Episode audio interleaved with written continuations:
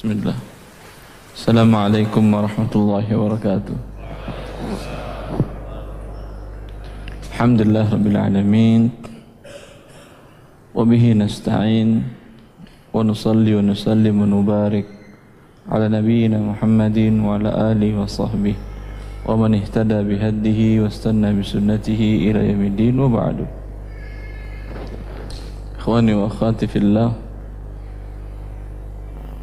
tema yang akan kita bahas di masjid ini insyaallah taala judulnya adalah saatnya memerangi riba.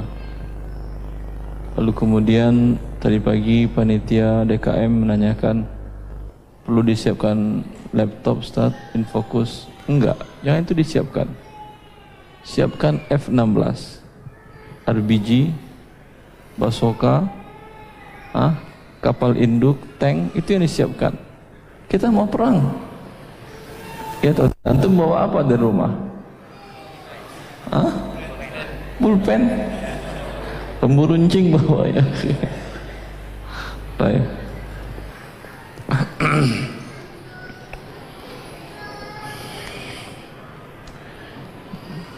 yang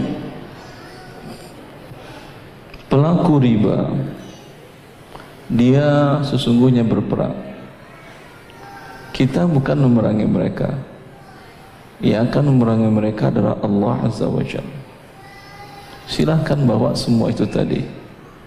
Bawa F-16, kapal induk, ah, peluru kendali, nuklir sekalian. Lawan Allah oleh anda. Kira-kira siapa yang menang? Kira-kira atau pasti? Pasti kalah pelaku riba tadi. Karena dilawannya Allah Azza wa Jal.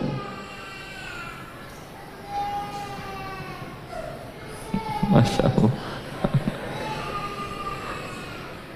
Bu, tolong anaknya Bu, mohon bapak dan ibu yang bawa anak yang menangis, mohon di dijaga dulu biar tidak terganggu.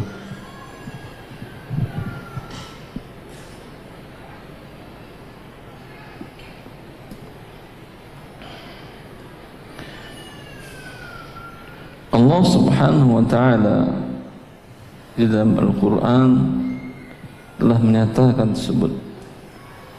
Ya ayyuhalladzina amanu taqullaha wa dharu ma baqiya minal riba in kuntum mu'minin. Fa in lam taf'alu fa'lanu biharbin minallahi wa rasulih.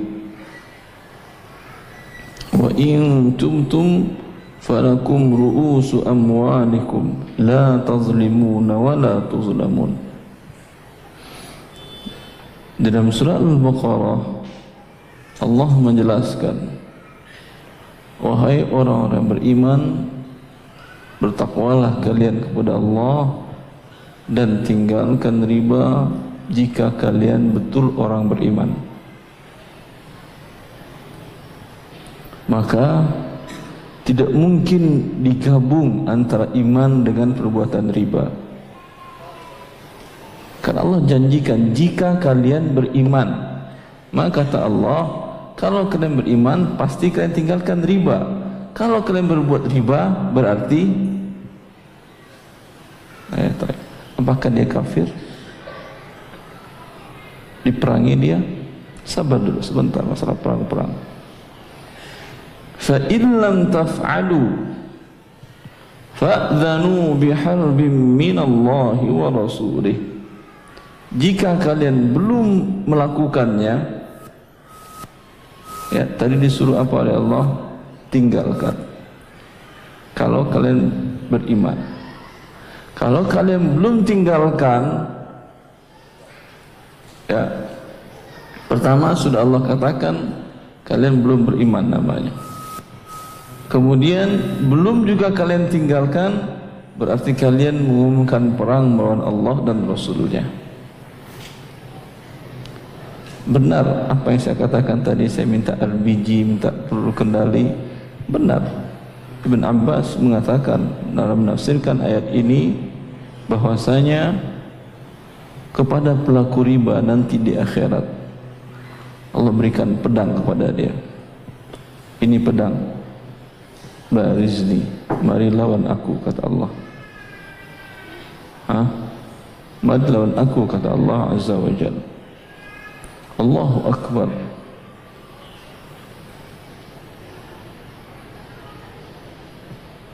Allah yang langit dan bumi.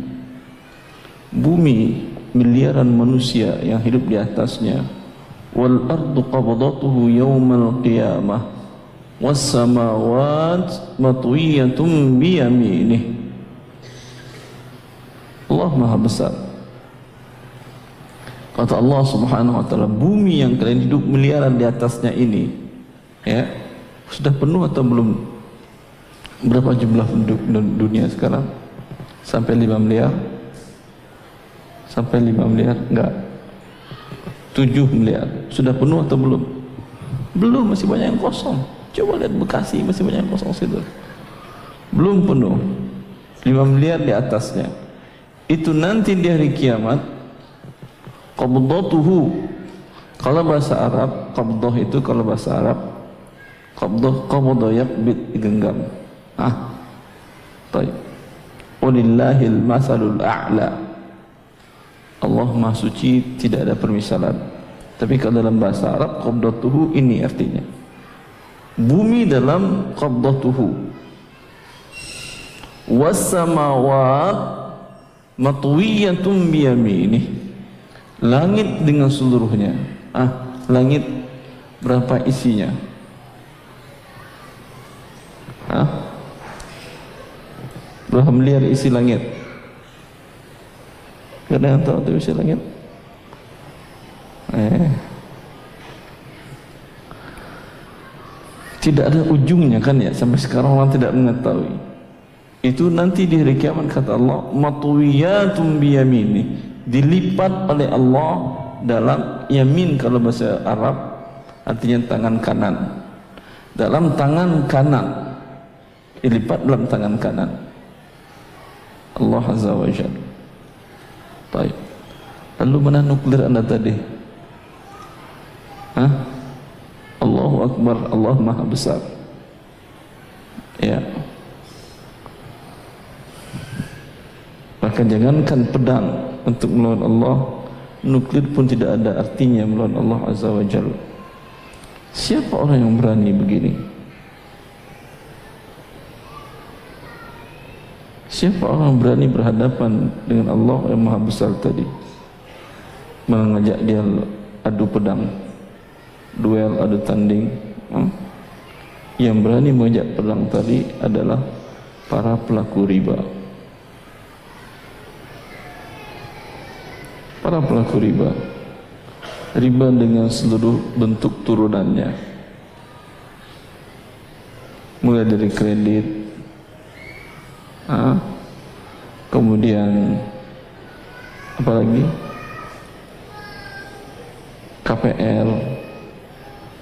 KPL apa lagi leasing. Apa lagi apa? Koperasi. Bank. Asuransi. Apa lagi Ustaz yang Ustaz sebut apa lagi PDAM ada enggak? Pahami riba lihat kasusnya di banyak hal. Riba adalah pertambahan akibat hutang. Berhutang terlambat membayar ada pertambahan. Anda memakai air PDAM. Terlambat Anda membayar ada pertambahan.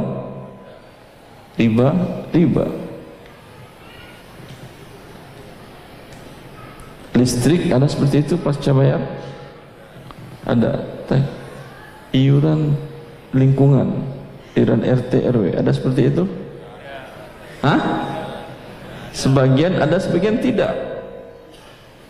Yang ada mereka perang lawan Allah. Yang tidak Alhamdulillah.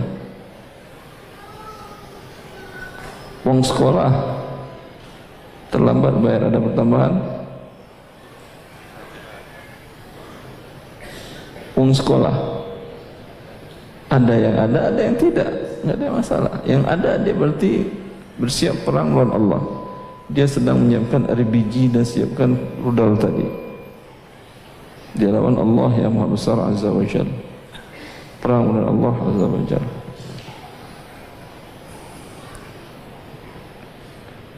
Kalau gitu gimana kita hidup Ustaz?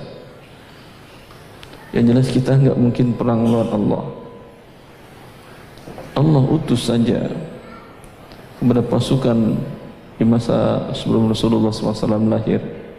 Pasukan terkuat di waktu itu kekuatan terkuat dari Habasyah mereka. Mereka bukan pasukan dari dari Jazirah Arab bukan. Mereka dari seberang dari Afrika. Sengaja mereka datangkan pasukan bergajah. Tentara yang terkuat di waktu itu. Apa yang Allah kirim kepada mereka burung cuman burung. Ababil tayran ababil. Senjata yang dikirimnya dikirimkan oleh Allah apa? Hah? tarmihim bihijaratim min sijil hanya batu dari neraka. Kena batu ini bolong sampai ke bawah. Bolong-bolong seperti di apa daun dimakan ulat bolong-bolong seperti itu lihat senjata Allah tidak merusak alam semesta. Beda dengan nuklir yang diturunkan bom atom yang turunkan Nagasaki Hiroshima. Sampai sekarang orang merasakan apa dampak negatifnya kerusakannya kepada lingkungan. Kalau ini tidak ada yang rusak hanya yang kena itu saja.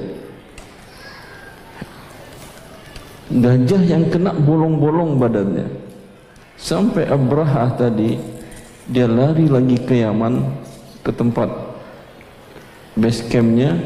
Sudah seperti kecil badannya terkena bolong-bolong tadi. Putus-putus badannya langsung. Itu tentara dikirim oleh Allah Azza wa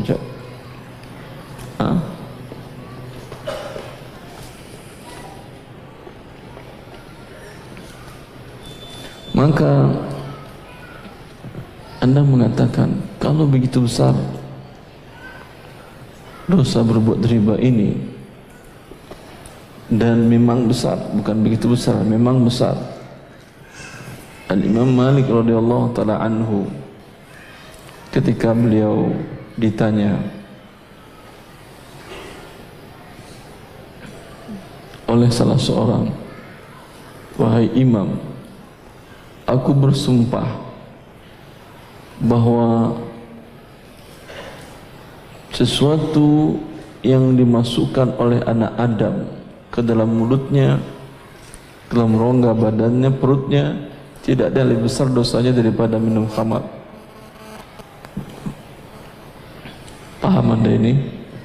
Khamar besar enggak dosanya? Besar.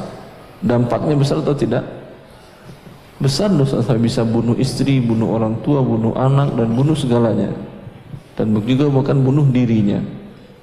Besar kan dampaknya. Baik. Lalu kata Imam Malik saya nggak bisa jawab sekarang. Pulang kamu dulu. Besok datang lagi. Ah itu Imam Malik ya akhi. Ketika tidak bisa jawab ya bisa tidak bisa jawab. Maka jangan heran nanti kalau anda bertanya ke saya jawab, saya jawab sekarang. Datang bulan depan.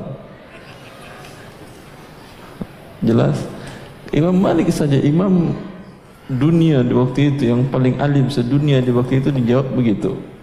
Saya jawab sekarang, pulang. Besok datang lagi. Orang itu besok datang lagi. Karena kasusnya sudah bersumpah dia tadi.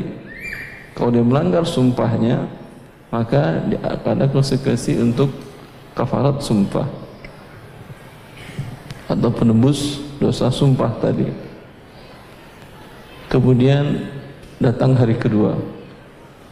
Imam Malik hari pertama tadi baca Al-Quran dari awal sampai akhir. Kata dia hari hari kedua datang saya belum menemukan juga. Besok datang lagi ah berapa kali? Dua hari. Hari ketiga datang jadi jangan salah kalau saya bulan depan datang lagi atau bulan depan datang lagi, bulan ke depan lagi mungkin saya sudah nggak ada. sudah nggak datang lagi kembali atau antumnya sudah tidak datang lagi kajian. Datang terus dia. Hari ketiga dia datang. Kata Imam Malik bayarkan kafarat sumpahmu. Karena ternyata dalam Al-Quran dari awal sampai akhir dalam sunnah Nabi Sallallahu Alaihi Wasallam ada dosa lebih besar daripada dosa khamar yaitu dosa melakukan perbuatan riba. Anda mengatakan kalau khamar jelas dampaknya Ustaz kerusakannya. Ya tadi bisa dibunuh diri bisa bunuh orang tuanya bunuh anaknya bunuh istrinya dan segala macam. Iya atau tidak apalagi kalau dia jadi pilot yang dibunuhnya satu pesawat. Hah? dalam keadaan mabuk dia atau dia, dia super bus sopir bus. Dalam keadaan mabuk satu bus dibunuhnya. Kalau dia sopir kereta api. Hah? sopir kereta api. Berapa yang dibunuhnya?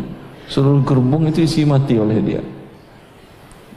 Itu jelas kerusakannya Ustaz kalau riba apa kerusakannya kira-kira apa kerusakannya Tadi Allah ngajak perang, iya, tapi kan nanti di akhirat, bukan sekarang perangnya. Apa kerusakannya?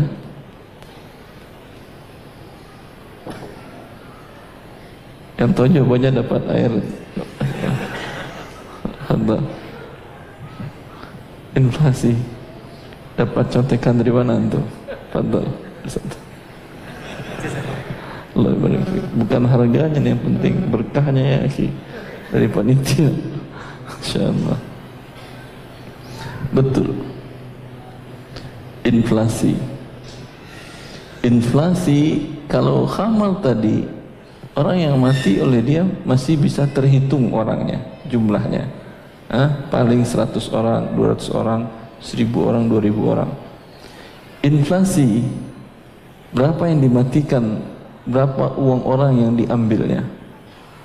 Bisa dihitung? Bisa dihitung? Tidak bisa.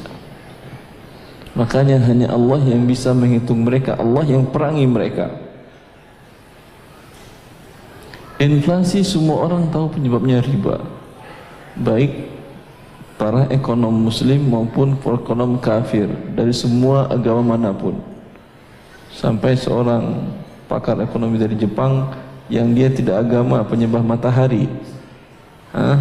ada agamanya enggak? enggak ada agamanya dia dia juga mengatakan inflasi tidak akan selesai kasusnya sampai kredit bunga di lembaga keuangan 0%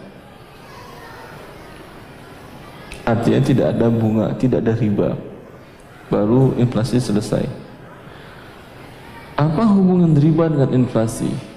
Mari kita lihat. Ketika seorang pengusaha ingin membangun bisnisnya, ingin dia produksi barang atau jasa yang ingin dijual, atau pedagang, atau siapa pun yang mengajukan pinjaman riba ke lembaga-lembaga keuangan riba tadi. Para pengusaha, para pedagang ini akan membayar bunga ribanya itu dari mana? Hah? Dari mana? Dari hasil usahanya kah atau dari asetnya yang lain? Pasti dari hasil usahanya. Bagaimana caranya?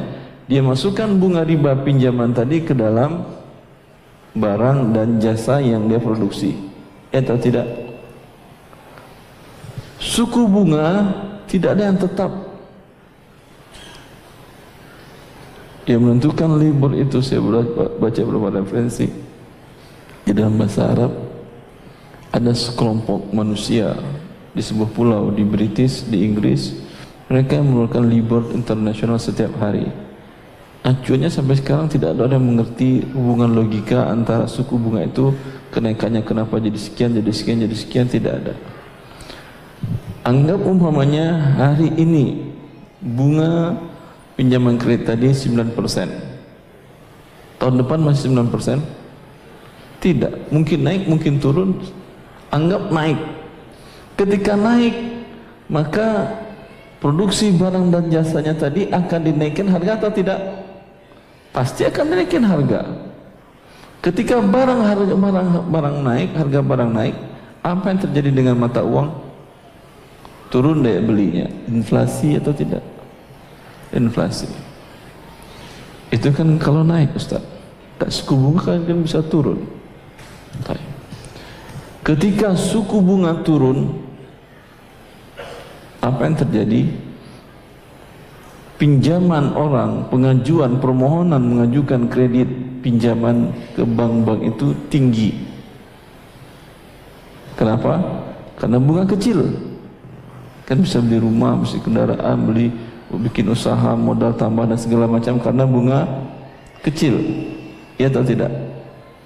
Ketika bunga kecil tadi pinjaman banyak, sedangkan kemampuan bank memberikan uang terbatas. Tetapi ketamakan bank lembaga keuangan tadi ketika orang pinjam dan dia dan dia akan mendapatkan keuntungan bunga dari sana, pasti akan dia buat uang baru. Memang uang uang kartal dia cetak terbatas, tapi bank-bank bisa mengeluarkan uang dalam bentuk surat berharga dan lain-lain berbentuk giral dan lain-lain iya atau tidak? Maka jumlah uang bertambah. Apa yang terjadi dengan harga barang? Jumlah uang bertambah dari adanya. Turun atau naik daya beli uang? Turun. Karena keseimbangan tidak ada. Jelas? Jadi riba mau dinaikin suku bunganya mau diturunin pasti akan berdampak kepada inflasi dan inflasi adalah kejahatan kemanusiaan. Yang dizaliminya bukan satu dua orang. Semua orang yang memegang uang itu uang yang terkena inflasi itu ya dan semua orang terkena inflasi akan berkurang daya belinya. Di tahun 2017 berapa inflasi triwulan terakhir kemarin berapa inflasi? 7 persen? Hah? Berapa persen? Berapa? 5,1 persen Tiga bulan terakhir belakangan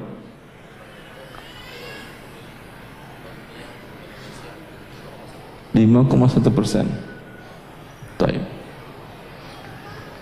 Apa arti inflasi 5,1 persen? Kalau Anda punya simpanan 100 juta rupiah ya terkena inflasi 5,1 persen daya beli uang ini berapa lagi nilainya? Hah? Berapa lagi daya belinya? 94 kan ya? Ya atau tidak? 94,9 94,9 juta 94 juta. Siapa yang mencuri uang anda 5 juta tadi? Siapa yang curi? Hah? inflasi tadi tukang riba tadi. Lihat itu yang punya 100 juta masih ada 94 juta dia. Kalau yang punya cuma 10 juta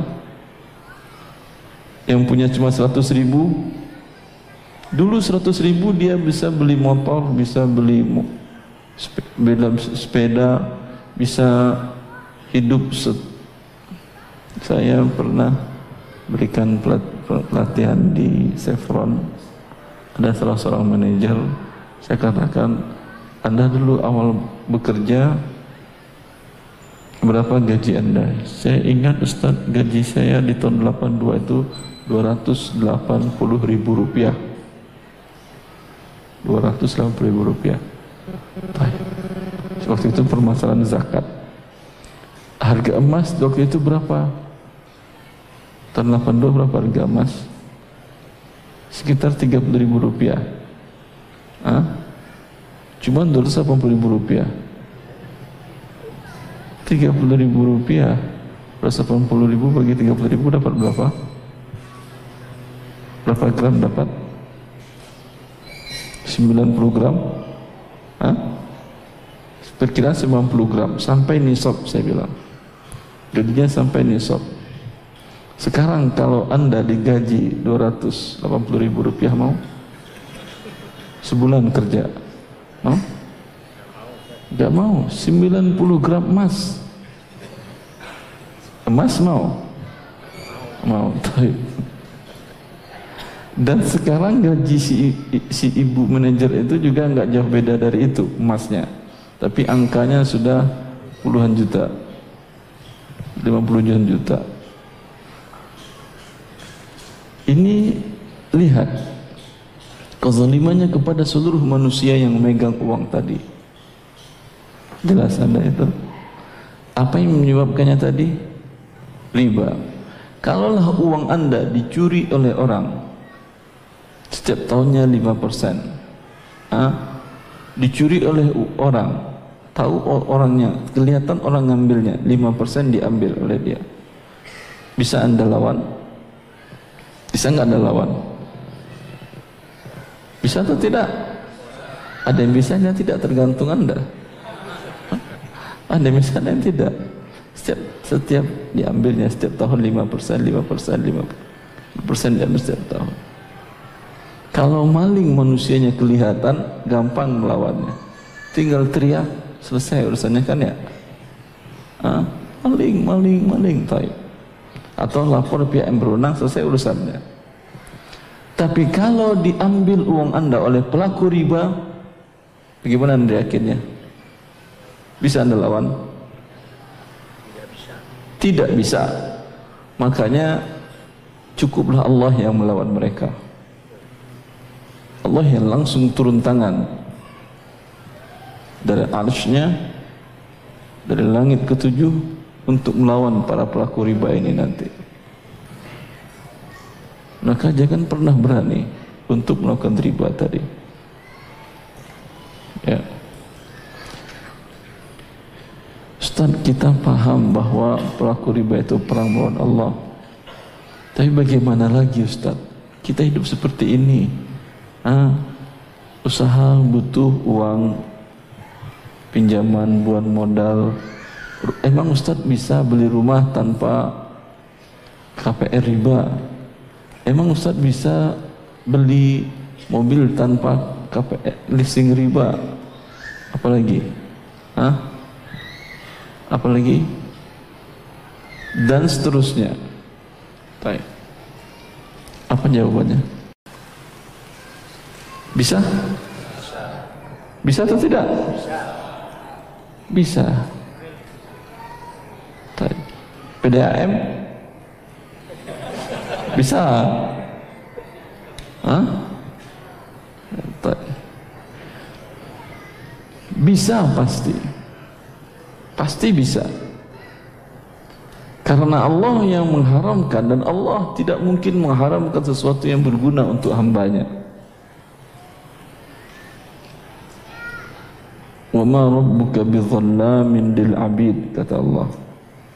Allah tidak pernah menzalimi hambanya. Syariat Allah ini Allah turunkan bukan untuk membuat kita terzalimi membuat hidup kita susah bukan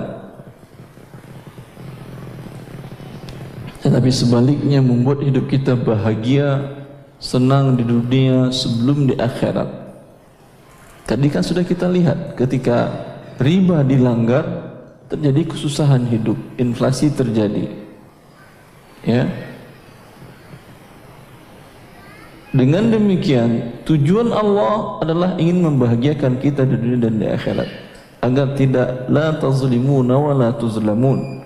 Kata Allah kalian tidak dizalimi dalam dalam hukum Allah ketika Allah mengharamkan riba dan tidak boleh menzalimi tidak ada saling kezaliman dalam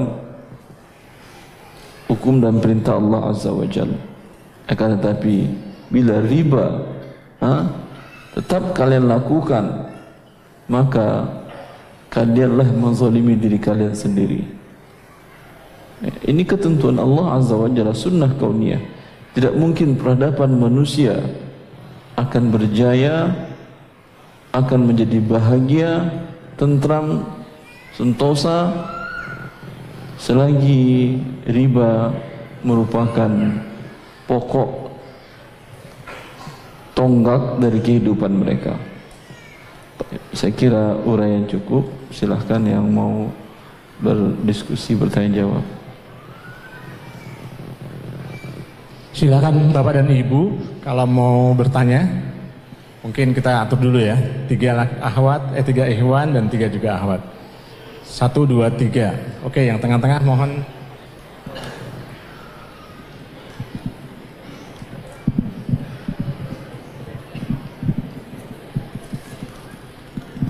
Baik, Assalamualaikum warahmatullahi taala wabarakatuh. Salam ya, Ustaz Irwandi, uh, perkenalkan saya nama Henry Pak. Ayakallah Pak ya. Henry. Uh, ini Pak, Alhamdulillah, uh, Bismillah, akhirnya saya bisa langsung ketemu dengan Ustaz Irwandi. Kan selama ini saya ikut kajiannya via offline terus Ustaz. Masya Allah. Iya, jadi Alhamdulillah berkat izin Allah, Ana bisa gabung dengan Ustadz hari ini. Allah Jadi apa namanya, uh, Mungkin kalau kata pepatahnya seekor kancil memburu terong gitu dong. Seekor kancil memburu memburu terong. Terong, terong. Oh. Terong, terong Ustaz. Bazinjan. seekor kancil berburu terong, sekali anak tampil pertanyaan langsung diborong Ustaz. Afwan. Oh gitu. Terong itu pemborong. Terus kan Ustaz. Jadi Afwan. Satu-satu aja. Borongannya satu, aja. Oh itu Ustaz. Satu uh, borongan tak ya? Satu satu borongan tapi Afwan aneh ada empat nih Ustaz. Afwan mengenai Afwan Ustaz. Karena uh, aneh juga sudah lihat beberapa kajian Ustaz di offline. Ada beberapa yang aneh belum dapatkan juga sudah mencoba membaca uh, buku karangan Ustaz Harta Haram Muamalat Kontemporer. Jadi Anda sudah uh, dari kemarin-kemarin Anda sudah sisipkan pertanyaan Ustaz Afwan.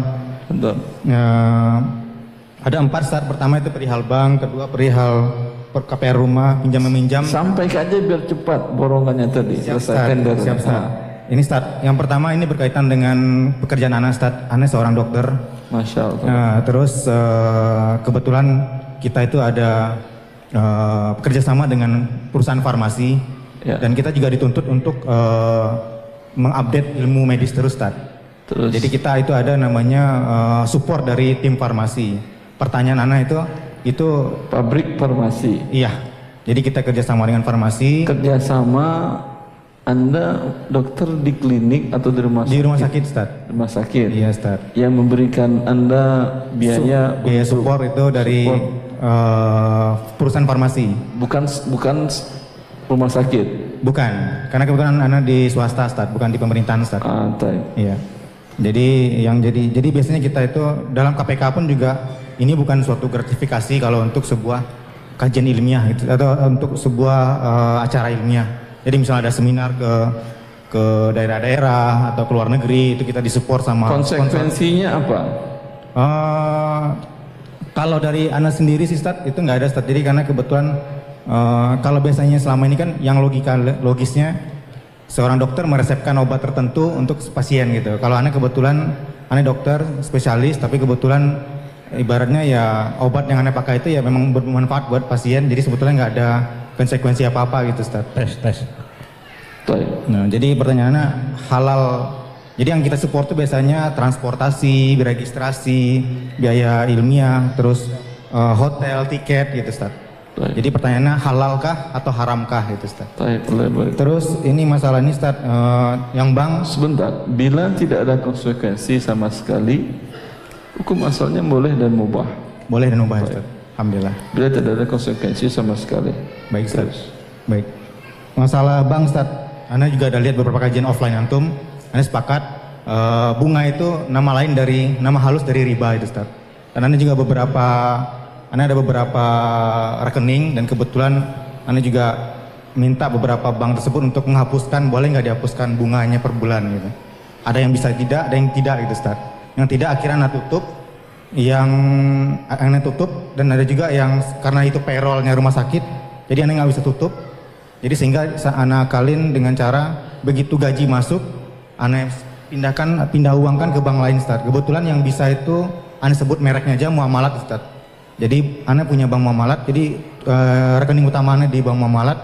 Jadi begitu dapat gaji dari bank lain yang itu masih ada ribanya, masih ada bunganya, itu langsung aneh pindah uangkan ke muamalat. Karena di situ aneh udah bikin sepakatan tidak ada riba, di situ. tidak, tidak ada bunga di situ. Tidak ada pertambahan. Iya, kira-kira bagaimana dengan eh, yang Anda lakukan ini Ustaz gitu. Anda tidak bisa merubah atau menutup bank yang menjadi payroll rumah sakit. Ya betul. Kalau memang tidak memungkinkan apa boleh buat. Akan tetapi anda kan rumah sakit swasta kan ya. Betul Ustaz. Ya. Kalau rumah sakit swasta lebih gampang daripada pegawai pemerintahan. Ya Ustaz. Cuman tinggal anda komporin beberapa teman 10 orang kaum muslimin di sana, Benar, Ustaz. ajukan ke bagian keuangan. Nah, bisa nggak nanti jadinya? Anda udah dengar udah dengar eh, solusi Ustaz ini juga ya belum belum ketemu teman-teman yang yang bisa seperti itu Ustaz. Anda ibaratnya masih ber- berjalan sendiri itu Ustaz. Ya? Iya. Jadi begitu Anda dapat eh, gajian di bank konvensional tersebut, hari itu langsung Anda Boleh. pindah uangkan ke boleh, boleh. Jadi ibaratnya ya sisa saldonya tidak benar- nggak boleh. apa lagi. Yang ketiga, yang ketiga. Baik Ustaz. Padahal Masalah KPR rumah Ustaz. KPR rumah. Iya, siap Ustaz. Ini kebetulan Anda juga setuju KPR itu riba. Alhamdulillah Anda pernah eh, akhirnya dapat suatu perumahan syariah tanpa riba, tanpa sita bank, tanpa eh tanpa bank, tanpa sita. Dan alhamdulillah Anda itu cash bertahap. Eh, alhamdulillah waktu itu Anda rencanakan enam bulan selesai, ternyata empat bulan alhamdulillah dengan berkat izin Allah selesai. Tapi kadarullah Ustaz, ya Anda diuji coba dengan beberapa teman-teman, ternyata perusahaan syariahnya peru- perusahaan properti syariahnya itu bodong Ustaz. Jadi eh, per 1 November kemarin kita akhirnya bawa masalah ini ke hukum, mungkin via majelis ini Anda juga sampaikan berhati-hatilah dengan orang yang menjual-jual syariah gitu Ustaz. Betul. Ya, jadi eh, akhirnya Anda ini Ustaz eh, terakhir dengar kajian an- Ustadz itu 21 Juli tahun ini itu berkaitan dengan KPR di Bank Syariah. Eh, dan kebetulan Anda juga utamanya juga di muamalat. Setelah Anda tanya-tanya ternyata masih tetap walaupun muamalat eh, berlabel syariah, begitu Anda lihat rincian-rinciannya masih tetap belum syariah gitu Ustaz. Ya, jadi rencana itu yang pertanyaan Anda Afwan untuk spesialis apa? Anestesi Ustaz. Anestesi. Iya, dokter bius Ustaz. Bius itu bang betul. Jadi Ustaz, eh, pertama pertanyaan Ana, Ana sekarang itu untuk sebuah rumah ya, alhamdulillah sampai saat ini Ana masih ngontrak Ustaz. Jadi ya sesuai di baju Ana lebih baik lebih berkah ngontrak daripada KPR riba itu Ustaz. Betul betul. Jadi biarlah Ana ngontrak jangka panjang 5 tahun, 10 tahun asal eh, berkah itu Ustaz. Jadi tapi tetap punya keinginan untuk punya rumah Ustaz. Jadi pertama itu rencana Ana eh, misal Ana punya pikiran pengen mencari rumah yang orangnya kepepet Ustaz. Gimana Ustaz? Misalnya dia tiba-tiba butuh uang gitu. Misalnya harga rumah di sini 2M tiba-tiba dia jual 1M. Nah, Ana lagi ngejar-ngejar itu kira-kira gimana? Boleh. Boleh Ustaz. Secepatnya anda beli. iya, karena makin cepat terbantu kebutuhan dia kan Nah gitu Ustaz. sedang butuh. Tapi Jangan tunggu-tunggu. apa nggak jatuh zolim Ustaz? Soalnya kan misalnya harga rumah tersebut Dia pasarnya kan dua- dia kan redo. Oh gitu Ustaz. Ya, dia berarti menghibahkan sebagian ke anda asal dapat terbantu kebutuhannya secepatnya. Jangan tunggu-tunggu waktu lagi. Baik Ustaz. Allah barik. Baik. Eh, terakhir Ustaz, Afwan Ustaz. Ini lima berarti. Catatan Anda sempat Ustaz. Nanti dibatasin saja. Ini mungkin Itu yang ini- banyak nanti pertanyaan. Enggak, ini pendek-pendek aja mungkin singkat aja. Pinjam meminjam Ustaz. Misalnya kita minjamkan eh, 10 juta ke seseorang saudara kita. Ya. Ya, kita ibaratnya dia pada dia dia minjam ke bank ke kita aja gitu. Ya. Tapi begitu dia selesai meminjam 10 juta, tiba-tiba ada rasa terima kasih baik berupa uang lagi kelebihan atau berupa barang kalau misalnya eh, Di awal tidak disyaratkan, tidak disyaratkan, boleh. boleh Ustaz. Rasulullah seperti ini. Eh, Jabir mengatakan faqadani wa zadani. Rasulullah SAW membeli unta Jabir dengan tidak tunai, ya berarti boleh berhutang kepada Jabir. Ah, kemudian beliau bertemu dengan Jabir di masjid, kemudian Rasulullah membayar dan beliau lebihkan. Boleh. Allah barik. Dengan Alhamdulillah. syarat tidak disyaratkan di awal. Baik Ustaz. Baik. Alhamdulillah. Makasih Ustaz. Allah barik fiik. Cukup ya. Ustaz. Allah Jazakallah khair. Tolong coba eh, mungkin kita diatur ya pertanyaannya. Jadi jangan sampai satu orang bertanya sampai lima pertanyaan. Biar semuanya kebagian gitu Mas. ya. Afwan, afwan panitia karena mumpung kesempatan Iya, makanya. insya Allah ada kesempatan semuanya. Izin atas izin Allah. Mungkin ntar dulu mas, Ahwat dulu. Karena ada urusan dari Ahwat dari atas, Ma, agak maju aja. Tolong Ahwat yang mau, ya silakan, silakan. Ma- Maju ke Yang- depan aja. Maju, maju. Sebentar Pak. Mic-nya di mana? Di atas. Silahkan. Di bawah nggak ada mic tuh akhwat. Yang mau tanya tolong siap-siap agak maju. Bismillah. Bentar Pak. Ya tolong Ahwat yang ada di atas, silakan langsung tanya. Assalamualaikum warahmatullahi wabarakatuh. Assalamualaikum warahmatullahi wabarakatuh. Eh, saya dari Cikarang Baru, Ustadz. Perkenalkan, Alhamdulillah bisa bertanya langsung ke Ustadz Erwandi. Masya Allah silahkan ibu. Eh, pertanyaan saya ada dua aja sih. Yang pertama, Satu aja ya, jangan banyak-banyak dulu. Kita batasin satu-satu aja dulu. eh, jadi masalah GoFood atau GrabFood itu di saya banyak baca artikel itu kan GrabFood dan GoFood itu kan eh, haram ya.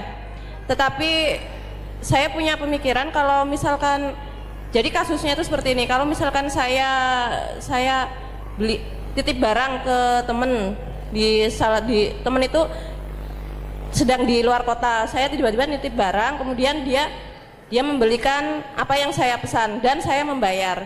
Pakai uang dia dulu atau pakai uang anda? Pakai uang dia dulu pasti. Jadi sama Anda bayar berlebih. Kenapa? Anda bayar berlebih kan ya? Saya bayarnya nggak lebih sama sesuai dengan harga barang itu. Dan itu bukankah sama dengan eh, apa? Kasusnya GrabFood, GoFood itu, Ustadz? Saya ceritakan kepada anda. MOU antara merchant dengan pihak Gojek. Ada di antara anda yang punya merchant yang berhubungan dengan ada MOU dengan Gojek. Di pasal 2 ayat 3 dinyatakan bahwasanya pihak merchant tidak boleh memberikan nota yang sebenarnya harga yang disepakati antara merchant dengan pihak Gojek yang nanti dijelaskan di pasal 3 ayat 1 bunyinya begini bahwasanya pihak Gojek mendapatkan fee sebanyak 15% itu dulu sekarang MOU yang terbaru fee 20% dari harga yang sesungguhnya Baik. Berarti yang dibayarkan oleh Gojek kepada merchant kalau umpamanya harga barang 80.000 harga makanannya. Maaf, harga makanan 100.000. Berarti dibayarkannya berapa? 80. Yang 20 dapat ke kantong si Gojek tadi sebagai fee. Jelas Ibu? Dibayarkannya 80. Ditagihkannya ke si konsumen berapa? 80 apa 100? Berarti dipinjamkan uang 80 dibayar 100. apa namanya? Jadi Apa namanya? Jawab, apa namanya? Namanya apa Bu? Nggak tahu. Kalau nggak tahu saya beritahukan namanya. Nggak, eh, Namanya riba. Ya, Pinjam uang 80 ribu, bayar 100 ribu. Riba atau bukan? ya riba. Riba. Terus apa lagi? Nah, tapi kemarin saya sudah membahas dengan teman juga sebelum saya bertanya ke Ustadz ini. Ternyata di Gojek dan GrabFood itu kalau misalkan kita beli eh, misalkan jangan sebut merek pizza ya Ustadz. Apa?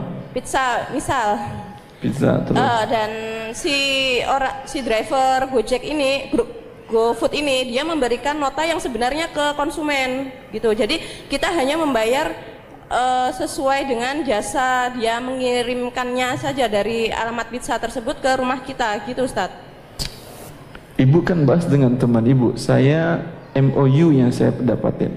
Ya kalau misalkan kasusnya seperti itu berarti jadinya nggak salah nggak atau gimana? Terserah anda. Paham saya maksud? Dia punya kasus yang dia tahu. Tapi yang saya tahu dulu juga begitu.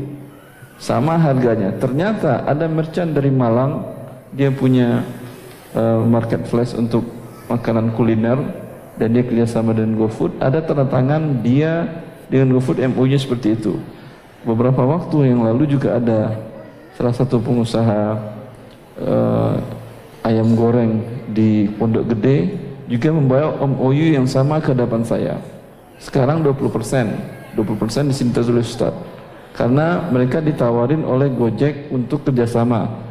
Karena fried chicken fried chicken yang termasuk laris Gojek mendekati mereka dengan membuat MOU itu. Dibawanya MOU-nya kepada saya sebelum mereka setujui. Saya katakan jangan setujui ini ada riba. Ya. cukup.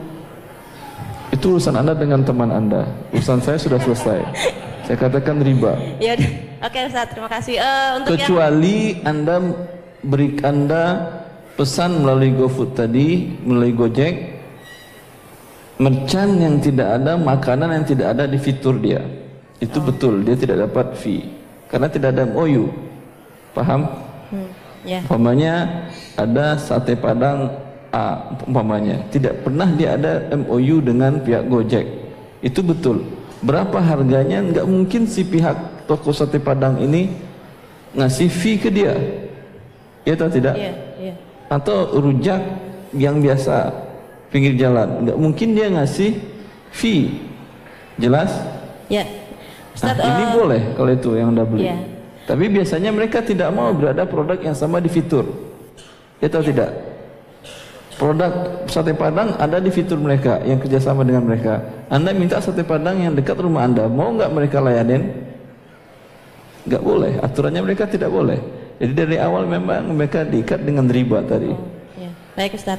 Eh, untuk yang satu lagi tentang Satu saja, jangan terlalu banyak. Satu Jadi banyak aja, yang lain mau tanya. Satu aja cukup. Ya silakan ah, ah, Ikhwan yang kedua tadi. Mana yang kedua? Silakan Mas. Nah gantian. Udah ini Ahwat baru kertas ya. Jadi kita adil semua. Silakan. Bismillahirrahmanirrahim. Assalamualaikum warahmatullahi wabarakatuh. Assalamualaikum warahmatullahi wabarakatuh Eh, mungkin pertanyaan saya bukan berkaitan dengan riba Ustadz ya, tapi perlombaan. apa Perlombaan. Perlombaan. perlombaan dia tidak riba tapi judi Oke. silakan silakan Eh, jadi gini, misalkan kita mengikuti lomba memanah, ah taib. cuman dipersyaratkan ada pendaftaran, tapi dikasih keterangan eh, hadiah berasal dari sponsor. bukan Bolehkah dari kita- uang peserta Ya, boleh boleh. ah. Misalkan diaplikasikan ke lomba lari dan lomba balap sepeda, bisa kah Ustadz? Bukan lomba memanah, tidak boleh tidak boleh. Alasannya kenapa Ustadz? ah? Alasannya kenapa Ustadz? Alasannya. Alasannya karena Rasulullah melarang. Kata Rasulullah la sabqa illa fi khufin aw hafirin aw naslin. Ini saya bahas di buku Harta Haram panjang lebar tentang perlombaan ini. Hah? tidak boleh memberikan hadiah kecuali untuk tiga lomba. Jelas? Kecuali lomba pacu kuda pacu unta dan memanah dikiaskan dengan tiga ini semua keterampilan yang berguna dalam berjihad lomba bela diri boleh Hah? lomba apa, lomba pacu pesawat terbang boleh Hah? siapa yang kencang F16 nya bawa boleh itu? Baik. ini termasuk keterampilan dalam berjihad dikiaskan juga bahwa jihad bukan saja dengan peralatan perang juga juga dengan ilmu dengan ilmu syariat. Maka boleh mengambil hadiah dari musabaqah hifzul Quran. Musabaqah cerdas cermat dalam ilmu-ilmu keislaman. Juga dalam ilmu-ilmu dunia sains. Umpamanya menulis jurnal dapat fee dapat hadiah. Atau ikut lomba penelitian ilmiah dapat hadiah. Ini boleh. Jelas? Pacu hikmahnya seluruh yang berguna untuk keterampilan berperang tadi dibolehkan. Hikmahnya apa ini? Ibn Qayyim menjelaskan dalam kitabnya Al-Furusiyah bahwa bermainnya boleh. Anda main bola, main futsal, main badminton main apa lagi? Hah? main volley ya. Mubah boleh. Bila tidak ada melanggar syariat-syariat Allah Azza wa Jalla di situ ya tapi tidak boleh bila ada hadiah walaupun dari pihak ketiga sponsor. Walaupun tidak ada uang keikutsertaan kenapa tidak boleh? Kenapa dilarang? Kata Ibn Qayyim sesuatu yang mubah.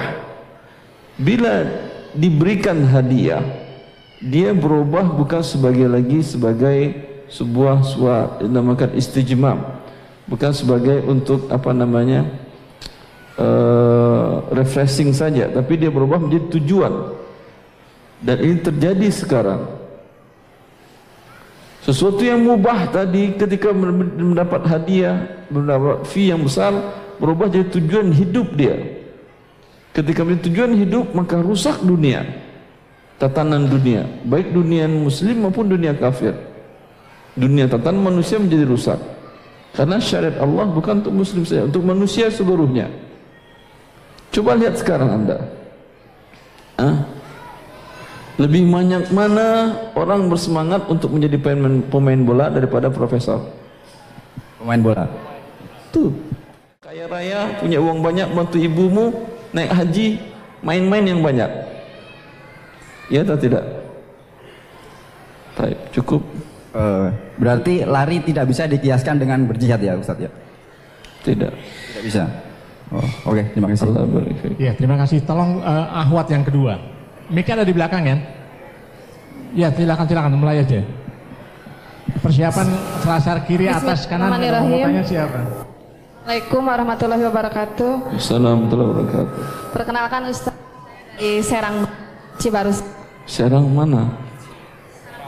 Banten. Cibarusa. Oh sekarang di sini sekarang. Oh masya Allah.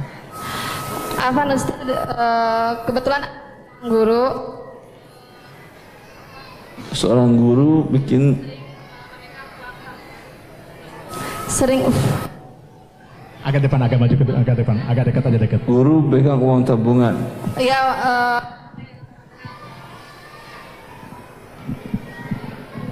megang tabungan murid-murid ya. Kebetulan di sekolah lalu dan, uang tabungan digunakan untuk bisnis modal usaha uh, tidak tidak seperti itu Ustaz tidak. dan di lingkungan juga kan anak guru TPA alhamdulillah di lingkungan juga anak dipercaya uh, inisiatif masyarakat untuk memegang uang tabungan persiapan nanti untuk lebaran nah uang tabungan itu diambil dari uh, masyarakat itu nabungnya setiap seminggu sekali uang tabungan itu anak titipkan ke suatu lembaga yaitu BMT gitu ya semacam koperasi.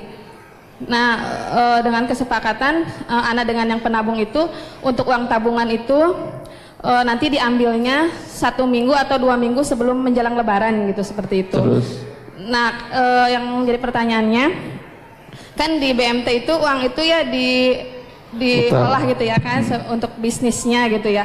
E, tapi anak tidak mendapat apa-apa dari itu. Terus tapi yang bikin anak apa ya khawatir dan tidak tahu gitu kalau misalkan pas dibagi itu uh, masyarakat ataupun wali murid itu sering memberikan hadiah ya. Banyak berupa entah itu parcel ataupun uh, berupa uang gitu ya seperti itu. Meskipun ya. anak udah bilang tidak usah gitu ya tidak seperti seperti itu. Karena ini tidak riba tapi riswah. Oh gitu. Sama haramnya. Eh. Ar-rashi wal murtashi finnar kata Rasulullah. Orang yang memberi riswah menerima riswah dalam neraka. Oh gitu ya. Bagaimana ya cara menjelaskannya? Sebetulnya? Jangan jelas-jelaskan, jangan terima. Oh jangan terima. Khawatir kalau itu suka pada ngambek gitu kalau nggak itu. Ada nggak ada yang ngambek. Oh. Gitu. Saya juga guru ibu. Oh iya. Saya guru di program Magister Ekonomi Syariah di Sekolah Tinggi Ekonomi Islam Taskia. Saya membimbing mahasiswa tesis S2 Kadang mahasiswa saya datang dari bimbingan ke rumah, dia datang dari kampungnya dari Garut, dari Bandung, dari mana-mana. Sambil bimbingan dia bawa oleh-oleh dari kampungnya. Saya katakan kepada dia, dia bilang, Ustaz ada oleh-oleh sedikit dari kampung. Saya katakan, saya terima oleh-olehnya, tapi nilai kamu saya turunkan. Kenapa Ustaz? Karena kamu menyogok dosen. Iya kan, agar nilai kamu bagus kan ya? Saya bilang, Enggak, enggak Ustaz, walaupun tidak saya turunkan. Kalau kamu mau objektif nilai kamu saya berikan sesuai dengan kemampuan kamu, ambil lagi hadiahnya. Kira-kira apa yang dilakukan ini? Hah? Daripada rugi dua kali, rugi oleh-oleh, rugi nilai, mending tidak ada rugi kan ya? Diambilnya lagi. Kadang di rumah tidak ada lagi tidak ada snack, saya ajak mahasiswa ini kalau bimbingan untuk makan di warung di sekitar rumah. Uh. Dia kadang membayarkan pakai uang pribadinya. Saya katakan silahkan bayar, nilai kamu saya turunkan. Karena kamu menyogok dosen. Ya. Afan Ustadz, ini kan harus itu yang anda lakukan, didik oh. mereka. Oh iya. Kalau enggak anda tidak jadi pendidik namanya. Ya atau tidak? Nanti ketika anak ini tahu bahwa ibu gurunya menerima riswah berarti riswah sebuah satu hal yang halal. Ketika dia menjadi orang penting baik tingkat desa sampai tingkat atas, ha? sudah terbiasa dan diajarkan oleh gurunya, di, gurunya yang masya Allah pakai pakai cadar, ha? tentu Islamnya masya Allah. Ini kan jadi panutan dia kan ya. Ah, guru saya jadi dulu pakai cadar dia terima, masa saya nggak terima? Ah, anda yang mengajarkannya. Tapi kalau dari awal anda ajarkan kepada orang tuanya dan kepada muridnya, bahwa ini dalam agama Allah haram, mereka insya Allah akan menjadi anak-anak dan menjadi orang penting yang nantinya yang tidak mau menerima riswah. Afan Ustadz ini kan udah berjalan 4 tahun ya, kan yang udah lewat-lewat itu kan udah tahu sekarang haram bagaimana cara membersihkannya kan yang udah kemakan gitu sama anak gitu ya rezeki itu Di waktu itu anda tidak tahu hukumnya? Belum. Kalau tidak tahu semoga Allah maafkan yang masih ada parcel-parcelnya atau amplop-amplopnya yang masih ada itu ah, itu berikan ke pihak sekolah. Berikan ke pihak sekolah ini saya terima dahulu. Masa mesti ada dalam rekening berikan kepada pihak sekolah. Karena anda sudah digaji. Rasulullah sallallahu alaihi wasallam. Rasulullah sallallahu alaihi wasallam ketika beliau mengutus Ibnu Lutbiyah menjadi amil pekerja karyawan untuk menarik zakat. Untuk menarik zakat dari Bani Sulaim. Dengan terus terang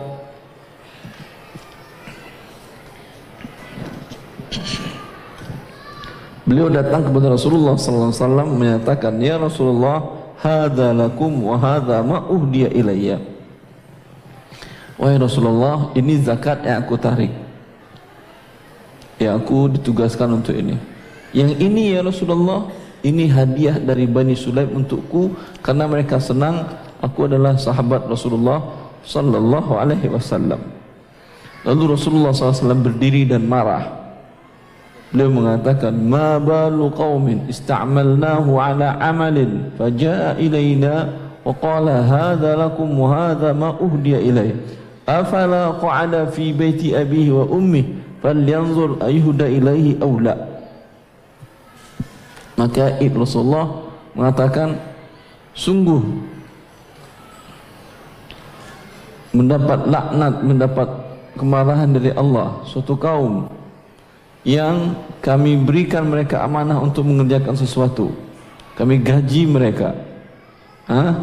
lalu tugas mereka lakukan dan mereka datang kepada kami mengatakan terus terang ya Rasulullah ini yang aku ditugaskan dan ini hadiah untukku. Lalu Rasulullah membuat sebuah kaedah. Apakah kalau dia duduk di rumah bapak ibunya di situ ada orang datang beri hadiah? Ini yang membedakan antara riswah dengan hadiah. Kalau anda tidak duduk sebagai pemegang uang dan guru di situ kira-kira orang tua ngasih ngasih hadiah Jawab. Jawab. Ya. Pasti ya, tidak. Pasti ya, tidak. Berarti karena adalah jabatan Anda tadi dan untuk posisi jabatan tadi sudah dapat gaji. Ada salah seorang kolonel di angkatan di markas besar angkatan darat. Beliau pernah bertanya kepada saya, "Ustaz, saya seorang auditor." Ya, Terkadang saya ditugaskan dari Markas Mabes Angkatan Darat untuk mengaudit keuangan di daerah-daerah. Saya dari kantor dari markas besar sudah dapat biaya perjalanan dan seluruhnya tapi terkadang yang saya audit itu banyak teman-teman angkatan saya di akademi militer dahulu yang kepala dan remnya ya, kepala kodimnya banyak. Teman-teman saya dahulu atau ada kelas saya. Biasanya Ustaz mereka ngasih saya hadiah Ustaz. Saya audit dengan secara profesional tapi biasanya mereka ngasih hadiah oleh-oleh sebelum saya pulang ya. Kadang ada yang badan tiket pesawat kadang ada oleh-oleh kadang macam-macam Ustaz. Bolehkah saya terima Ustaz saya katakan kalau anda datang ya bukan bawa surat tugas sebagai auditor kira-kira mereka ngasih oleh-oleh sebanyak itu atau tidak Ya jawab tidak Ustaz. Ya paling kalau pertemanan paling di, di rumah gitu kan ya. Paling ada makan di rumah silahkan makan paling begitu. Tapi sampai pelayanan seperti itu tidak Ustaz. Berarti ini adalah bukan karena pertemanan. Ini adalah karena jabatan Anda dan itu jabatan Anda sudah mendapatkan gaji untuk itu maka haram ini Anda terima. Itu perbedaannya. Itu perbedaannya. Dan ini subhanallah bukan hanya guru saja, hanya dosen saja. Banyak.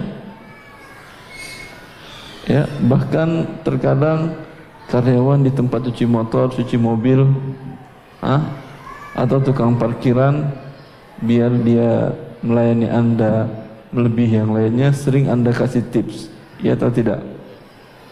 Ini bagian dari niswah.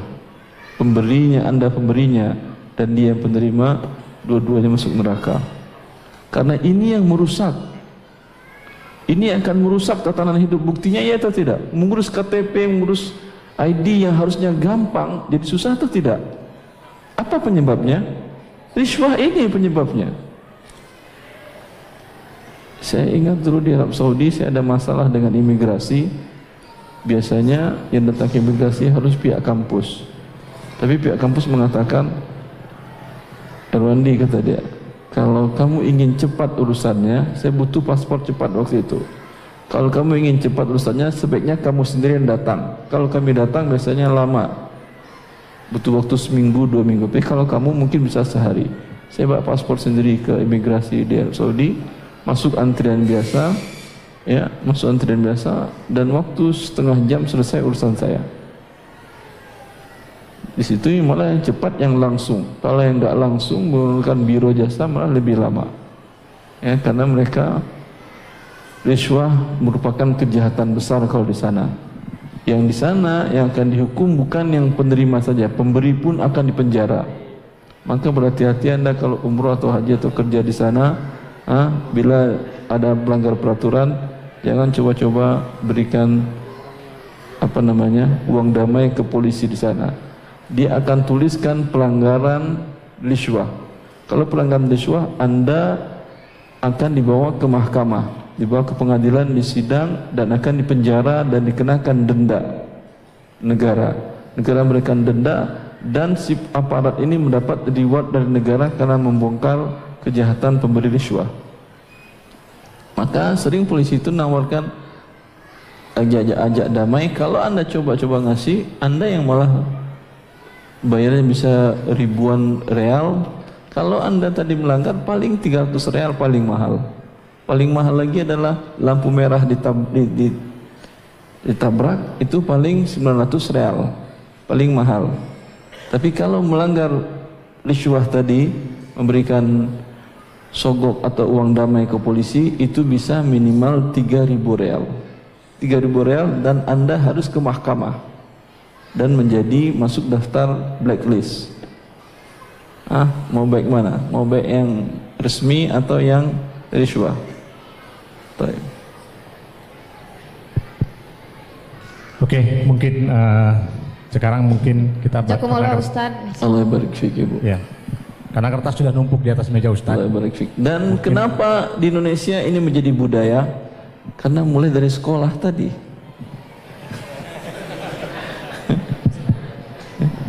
Sekarang kita akan coba tanya jawab dari kertas saja dulu, dua kertas, nanti lanjut lagi kepada itu kita boleh atau mau kertas mau tanya interaksi aja Pak Ustaz? Terserah. Kertas juga nanti akan interaksi kalau tidak jelas. Ya, maksudnya Silahkan baca aja. nggak dua kertas kita baca, Ya. nanti jawab sama Ustadz, selanjutnya nanti langsung interaksi kembali. Mohon maaf, infak sedekahnya sudah beredar di mana? Kita takut juga nanti hilang begitu. tolong yang mengedarkan infak sedekah ya, tolong dibagiin ke kiri kanannya ya. Saya bantuin baca Ustadz ya. Tafadhal, Pak. Kita akan pertanyaan yang kita tanyakan hanya satu saja. Kalau di ini ada tiga pertanyaan, berarti hanya satu yang kita sampaikan. Assalamualaikum warahmatullahi wabarakatuh Ustadz. Assalamualaikum wabarakatuh. Bagaimana hukumnya apabila saya memasarkan produk dari perusahaan teman saya dan yang jadi pelanggannya adalah perusahaan tempat saya bekerja dan perusahaan teman saya memberi fee pada saya haram atau halal pemberian dari teman saya itu jazakumullah khairan katsiran syarat Assalamualaikum warahmatullahi wabarakatuh warahmatullahi wabarakatuh. Pihak perusahaan dia kalau tahu bahwa dia yang masukin ke sana, kira-kira dibenarkan nggak dalam aturan perusahaannya? Ah, yang bertanya mana? Dibenarkan oleh perusahaan anda? Tidak. Ya karena nggak mungkin dia benarkan. Kalau dia benarkan rugi dia. Karena sekarang anda berbuat untuk keuntungan siapa? keuntungan perusahaan atau keuntungan supplier yang masuk ke perusahaan Anda. Sekarang gaji pasti dapat. Kalau yang bonus tadi dapat dari mana? Perusahaan teman tadi. Berarti Anda akan berpihak ke dia, ya atau tidak? Kan apa namanya ini? Interest apa namanya? Konflik of interest namanya kan ya? Ya dengan demikian Anda akan berpihak kepada dia dan merugikan perusahaan pada Anda digaji untuk perusahaan. Iya kan? Maka ini riswah namanya akhir. Jangan diterima. Kalau sudah terlanjur menerimanya, bertobat kepada Allah Subhanahu wa taala. Kalau masih ada uangnya berikan kepada fakir miskin, jangan berikan kepada perusahaan Anda. Ya, sekarang pertanyaan yang kedua dari kertas yang nomor dua. Assalamualaikum warahmatullahi wabarakatuh. Warahmatullahi wabarakatuh. Saya bekerja sebagai ba- sebagai pegawai bagian menerbitkan invoice. Di dalam invoice tersebut tercantum pajak PPN 10%. Bagaimana status pekerjaan dan gaji yang saya terima? Apakah halal? Allah ya barik. Yang dikatakan Rasulullah sallallahu alaihi wasallam tidak akan masuk surga adalah penarik pajak. Ah, sekarang dia mencatat invoice tadi, ada PPN. Dia membantu menarikan pajak untuk negara atau tidak ini? Hah? Dia tarikan dari perusahaannya dia gitu. Ya, kalau dia membantu penarikan pajak, dia bagian dari yang tidak masuk surga tadi.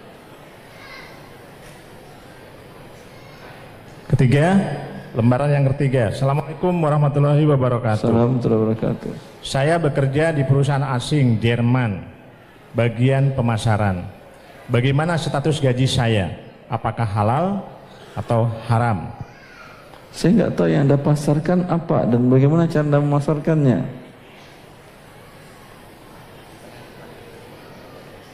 Ada yang bertanya tadi yang Jerman tadi? Ya Bapak.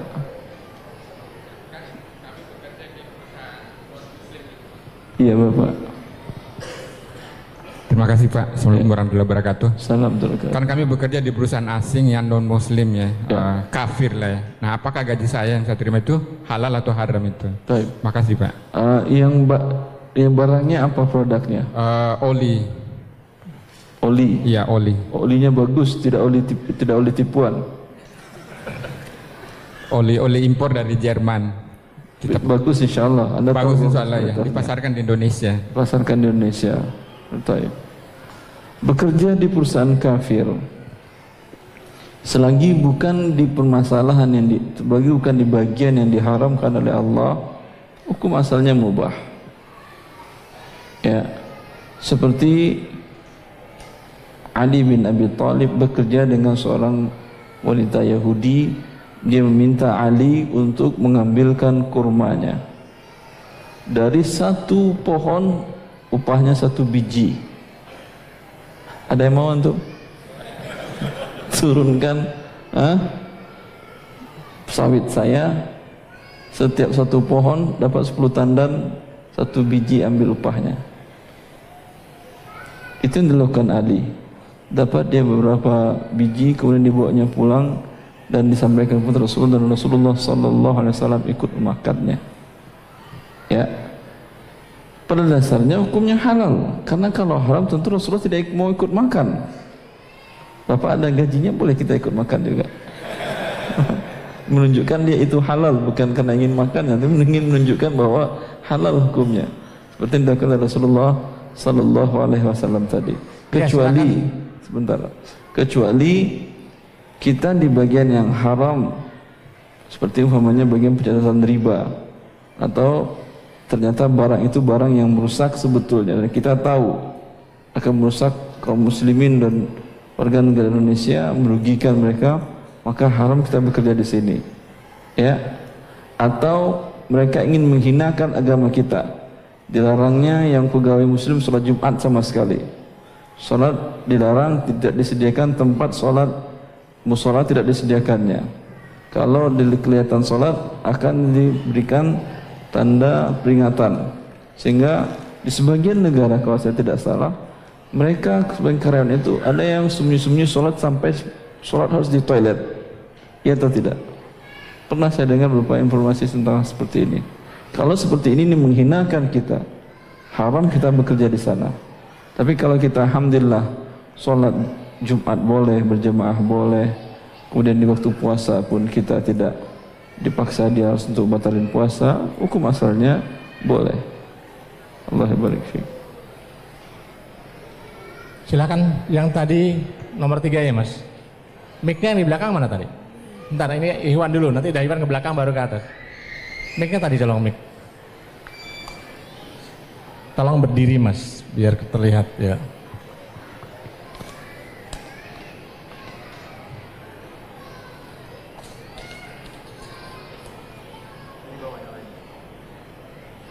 Bismillah. Assalamualaikum warahmatullahi wabarakatuh. Waalaikumsalam warahmatullahi wabarakatuh. Barakallahu fiik Ustaz. Allah barik fiik ya. Uh, Anda mau bertanya Ustaz, ada satu kasus. Uh, jadi ada si A ini penjual barang dan si B ini pembeli. Satu saat si A ini uh, si B ingin satu barang kepada si A, tapi si A tidak memiliki barang dan barang tersebut uh, sulit didapat. Adanya di dekat jaraknya dengan si C. Atas saran si B, bagaimana kalau si C yang membeli barang, lalu si penjual menyetujuinya?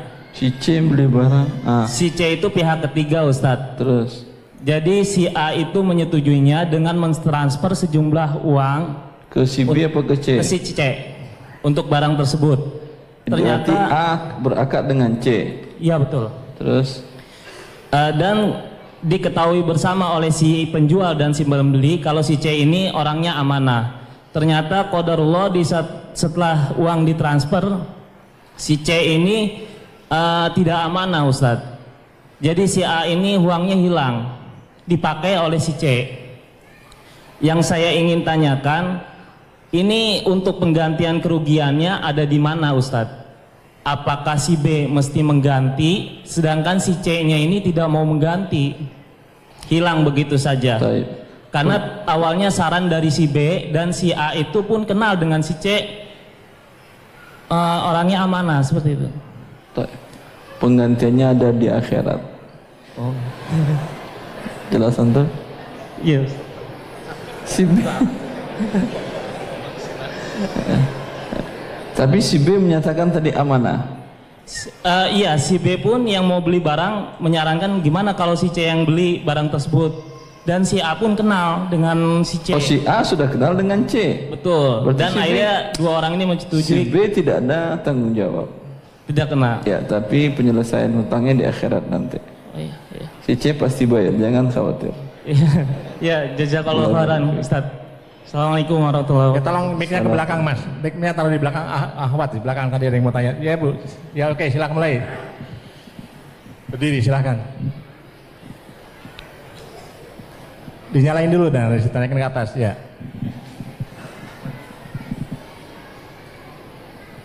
Tolong mic yang itu mas yang tadi kasihan ke sebelah kiri. Coba mic-nya tolong. Panitia tolong bantu dari DKM Masjid Tropicana mohon bantu untuk menyiapkan mic yang ada di belakang. Assalamualaikum warahmatullahi wabarakatuh. Waalaikumsalam warahmatullahi wabarakatuh. Ana dari Purwakarta, Ustadz Masya ingin berkata Purwakarta berapa kilo dari sini? Satu jam setengah kilo. satu jam Ustadz kurang Masya lebih. Allah. Silahkan pertanyaannya boleh dua kali ya. Kecuali ya. Alhamdulillah.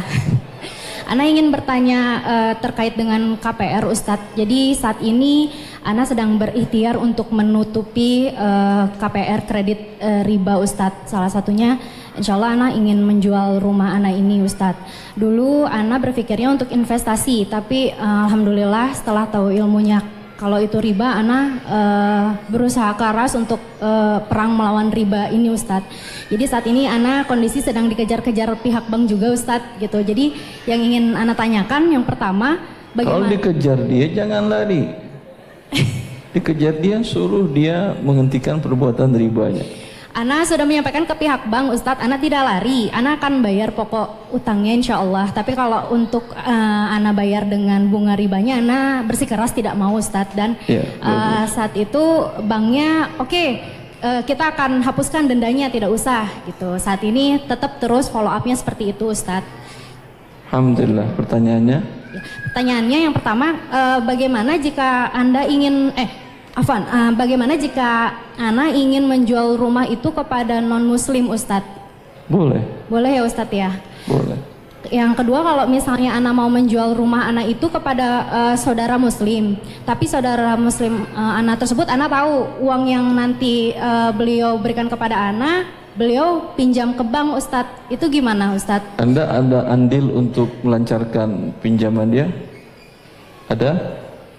Enggak Ustadz. Kalau ada andil, Anda terkena dosa sebagai saksi atau pencatat riba. Tapi kalau tidak ada andil, itu urusan dia. Dia mau masuk neraka sendirian. Iya jadi eh, beliau ini informasi ya udah saya bayarin aja eh, uangnya cash nanti saya mau ngegade surat ke bank gitu Ustadznya Iya. cuma informasi kayak gitu aja sama saya itu gimana Ustadz? Enggak apa-apa. Gak apa-apa ya Ustadz ya. Eh, satu lagi Ustadz eh, saat ini eh, ah, Ana bekerja di Ini perusahaan. lebih dari tadi cuma dua, ini dah ketiga ya. Kayak satu orang lain satu ya. Mundur Cukup lagi, ya? pindah lagi dari Purwakarta ke belakang nanti nanti sedikit. gantian Bu ya, gantian lagi. Ya udah jazakallah khairan. Dari yang di atas ada yang mau tanya nggak? Yang ah- ya, Ahwat, Iwan, ada nggak mic di atas? Waduh. Mic-nya nggak ada. tolong bantu dari DKM tadi mic yang ada di belakang, tolong tarikan ke atas coba. Pengurus DKM Masjid Tropicana mohon bantuannya. Mic itu tolong naikkan ke atas. Jadi yang di atas jangan diturunkan ke bawah. Silakan, yang di sini aja.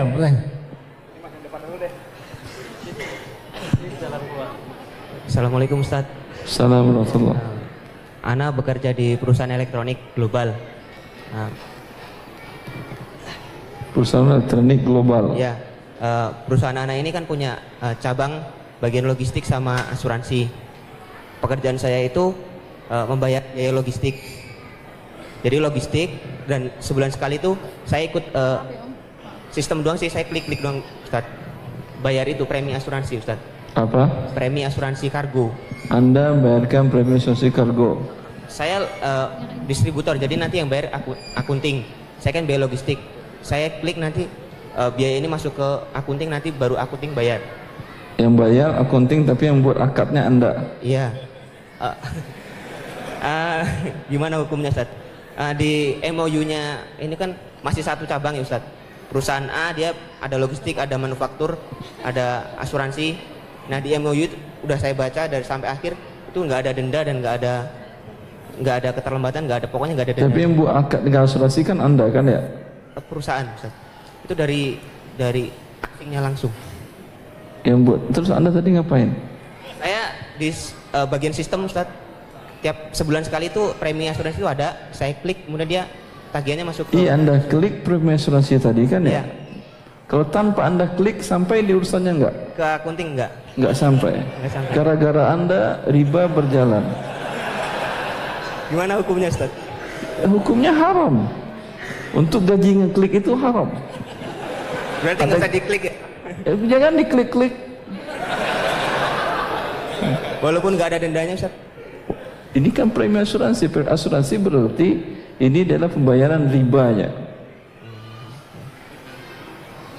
Iya, makasih Ustaz. Allah barik. Waduh yang banyak tanya. Ya silakan yang di atas sudah siap ya. Ya silakan. Langsung Bu, cepat, agak cepat dikit ya. Asal Assalamualaikum warahmatullahi wabarakatuh. Assalamualaikum warahmatullahi wabarakatuh. Eh, mau bertanya tentang MLM, Ustaz. Kalau misalkan kita membeli apa maksudnya menjadi member MLM, tapi hanya untuk konsumsi sendiri itu boleh nggak? Wallahu taala alam. Umumnya barang MLM itu jauh lebih mahal daripada barang yang dijual dengan sistem distribusi biasa. Kenapa? Karena akan membiayai bonus untuk jaringan tadi. Ketika Anda hanya tujukan barang, maka Anda dirugikan karena mahalnya harganya jauh lebih mahal daripada harga pasar. Ya. Secara sahnya sah, cuma Anda tertipu. Tapi Anda tahu ditipu, kalau mau tahu ditipu gak ada masalah. Seperti umpamanya ada orang beli, Ustaz ini berapa harganya? Saya bilang kalau di saya harganya 5000 kalau di sana 1500 di situ 1700 tapi saya 5000 ah ya udah saya beli Ustaz aja 5000 boleh boleh. Tapi saya sudah sampaikan kepada dia bahwa ini harga di atas harga pasar harga normal. MLM begitu barang dia yang mereka jual itu jauh harganya lebih dari sepertiga dari harga pasar barang yang sama kalau tidak percaya anda bandingkan sebuah produk yang MLM dengan produk distribusi biasa jelas Jelas. kalau anda mau ditipu gak ada masalah. Kalau sudah jelas langsung ke sebelah kiri. Sebelah kiri. Tapi boleh ya? Ustadz ya? boleh Boleh. Enggak soalnya kan barangnya itu nggak ada di pasaran gitu. Jadi tidak sementara ada barang tidak ada di pasaran ibu apa barangnya coba sampaikan apa barangnya yang tidak ada di pasaran itu biasanya seperti itu gitu. Jadi mereka di awal semua di dunia ini dari mana muncul harga pasar ketika muncul suatu barang belum ada pesaing harganya betul tinggi. Tapi ketika itu besok orang bikin barang yang sama harganya pasti turun. Harga ini turun lagi ya atau tidak? Tahun kemudian muncul pesaing kedua ini harganya turun turun lagi ya atau tidak? Seperti handphone pertama keluar harganya berapa? Jarang orang yang bisa mampu beli. Tapi sekarang anak kecil pun bisa beli handphone. Kenapa? Itu di awal keluarnya tentu harganya mahal maka tidak ada barang yang tidak harga harga pasar di awal harga pasarnya terserah dia karena dia tidak ada pesaing kemudian setelah itu akan muncul harga pasar jelas ibu terima kasih fiik. Ya, tolong ke mic-nya di sebelah. Ikhwan tadi sebelah kiri ada yang mau tanya. Ahmad satu lagi boleh enggak? Satu aja, nanti kita gantian. Sekarang Ikhwan di sebelah kiri dulu, tahu? Mic-nya dipinta.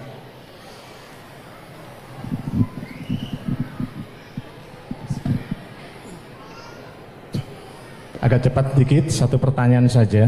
Silakan Mas. Bismillahirrahmanirrahim. Assalamualaikum warahmatullahi wabarakatuh. Assalamualaikum warahmatullahi wabarakatuh. Saya mau bertanya, eh, apa hukumnya kalau ada sahabat yang ingin pinjam uang, tapi dia mengasih jaminan sebuah tanah atau lahan itu Pak Ustaz. kurang jelas ulangi apa hukumnya? Apa hukumnya? Seorang sahabat. Iya, sebuah sahabat teman.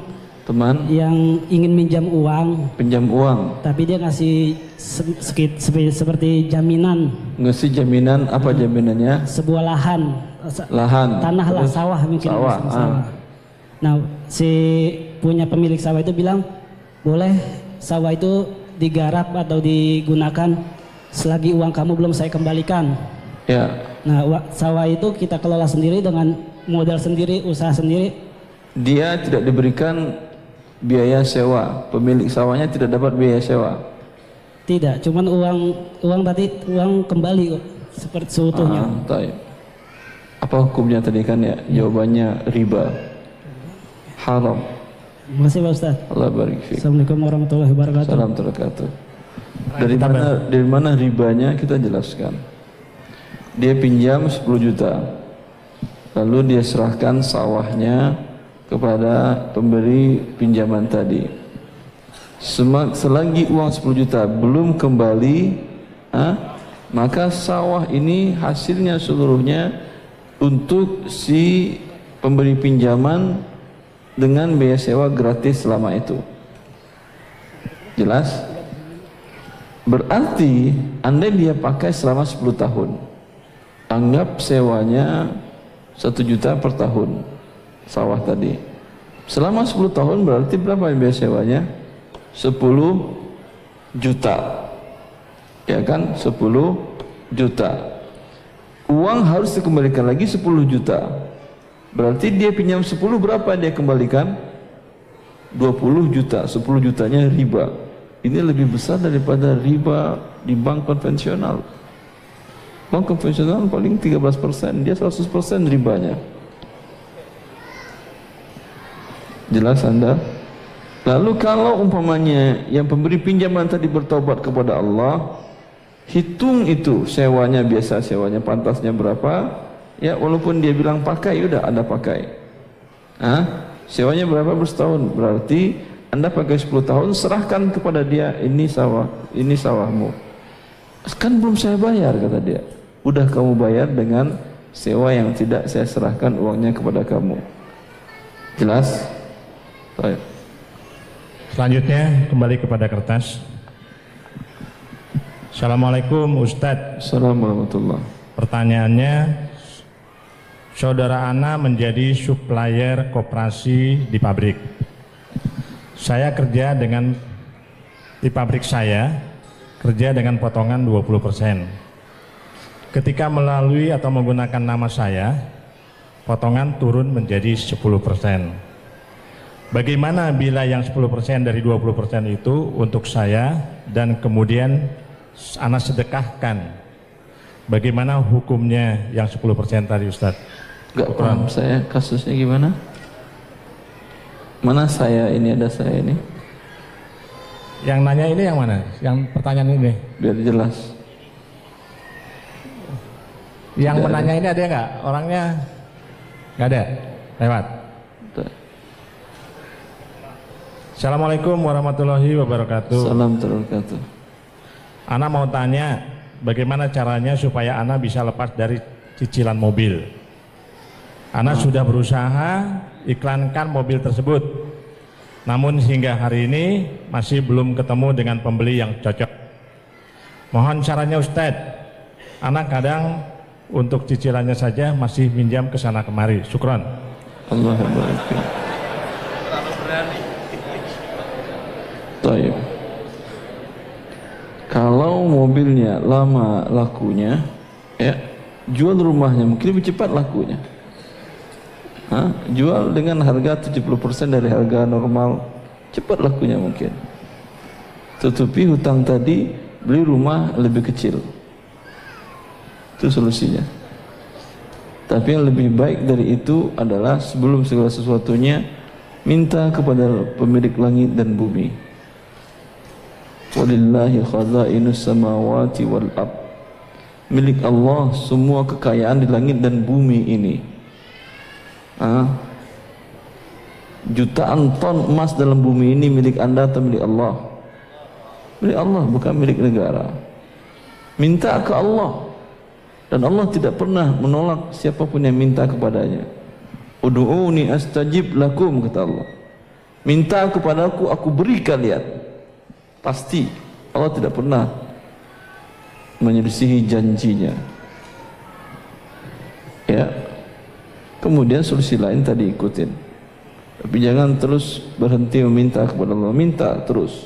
Dan ini meminta kepada manusia sebuah kehinaan bagi Anda. merendahkan diri di hadapan manusia meminta kepada Allah ibadah ibadah yang besar berdoa dan meminta kepada Allah Azza wa Jal menunjukkan kita anda dan semuanya adalah orang yang kecil dan kerdil di hadapan Allah meminta kepada yang maha besar dan maha kaya. Ini sebuah ibadah.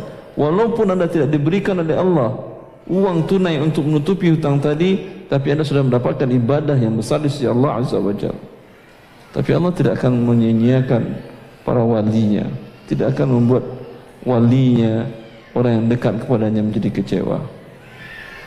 Baik. Assalamualaikum Ustaz. Assalamualaikum warahmatullahi Apa hukum uang dari hasil BPJS ketenaga kerjaan? Maksudnya apa ini?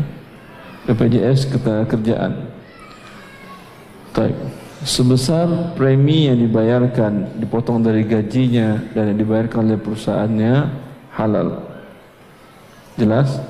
Pertambahannya itu adalah riba Berikan kepada fakir miskin Tapi andai di waktu itu Saya sendiri fakir miskin Ustaz Ya udah ambil buat ente aja Boleh halal.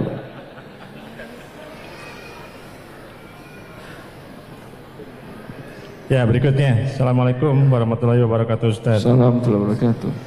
Teman Ana sudah terlanjur KPR Belum ada lima tahun.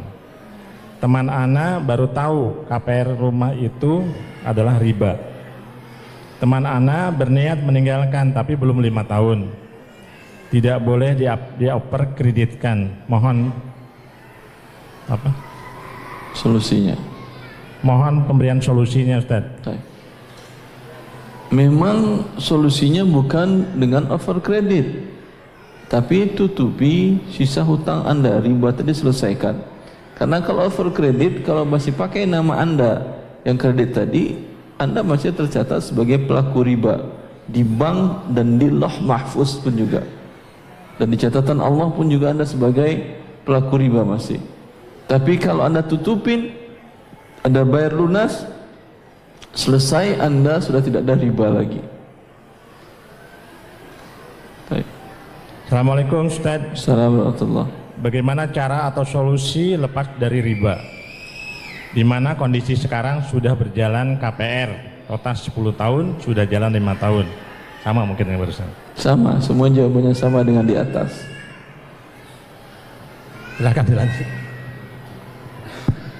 Assalamualaikum warahmatullahi wabarakatuh. Assalamualaikum warahmatullahi wabarakatuh. Ustaz. Ustaz terkait dengan jasa titip, Ustaz. Jadi e, misalkan anak pergi keluar kota, terus ada yang mau nitip oleh-oleh, harganya sesuai dengan yang tercantum dalam nota. Lantas e, anak sampaikan ini karena ada jasa titip sekian. Pakai uang anda belinya tuh uang Pakai dia? uang saya. Ah. Pakai uang saya. Terus apakah itu e, dibolehkan, Ustaz? Jasa titip tadi untuk imbalan apa? Untuk membeli oleh-oleh itu. Jadi uh, Anda belikan. Kalau yang imbalan barang jelas. Anda belikan 100 ribu, dibayar dia 100 ribu. Betul. Tapi Anda minta jasa lagi.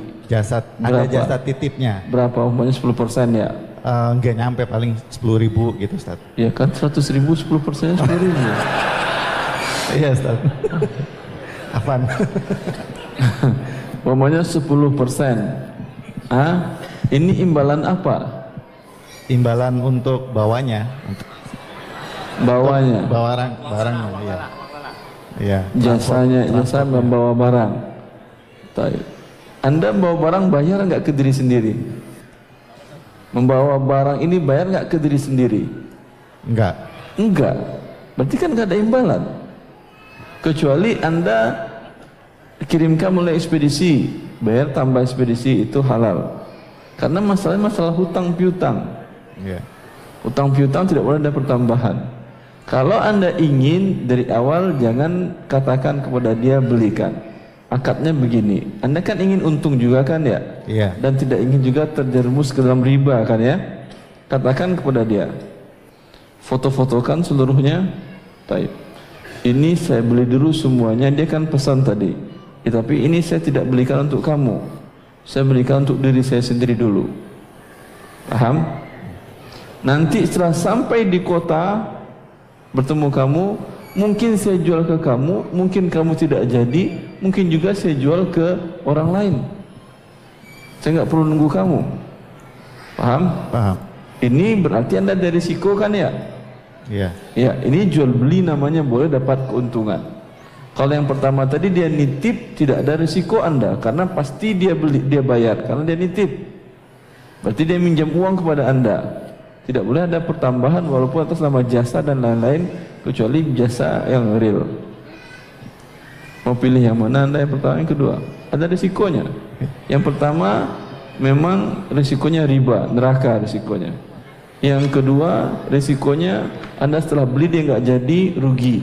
Tapi nggak apa-apa makan aja sendiri. Lebih baik nggak ada risiko tuh ya. Iya, terus kalau barang itu misalkan ada diskon, Ustaz. Tapi si, pen, si penjualnya itu ini anak kasih diskon, terus nanti eh, di invoice-nya itu ter- tercantum sekian gitu harga harga Tanpa itu. ada diskon, ada diskon. Ada diskon, tapi Di karena invoice ada diskon.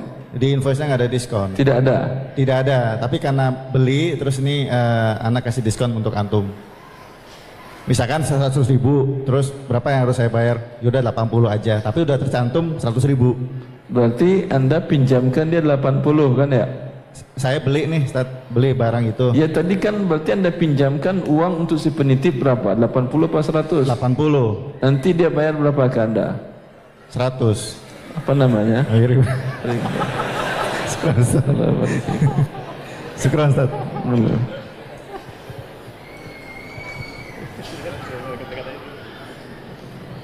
Assalamualaikum warahmatullahi wabarakatuh. Assalamualaikum.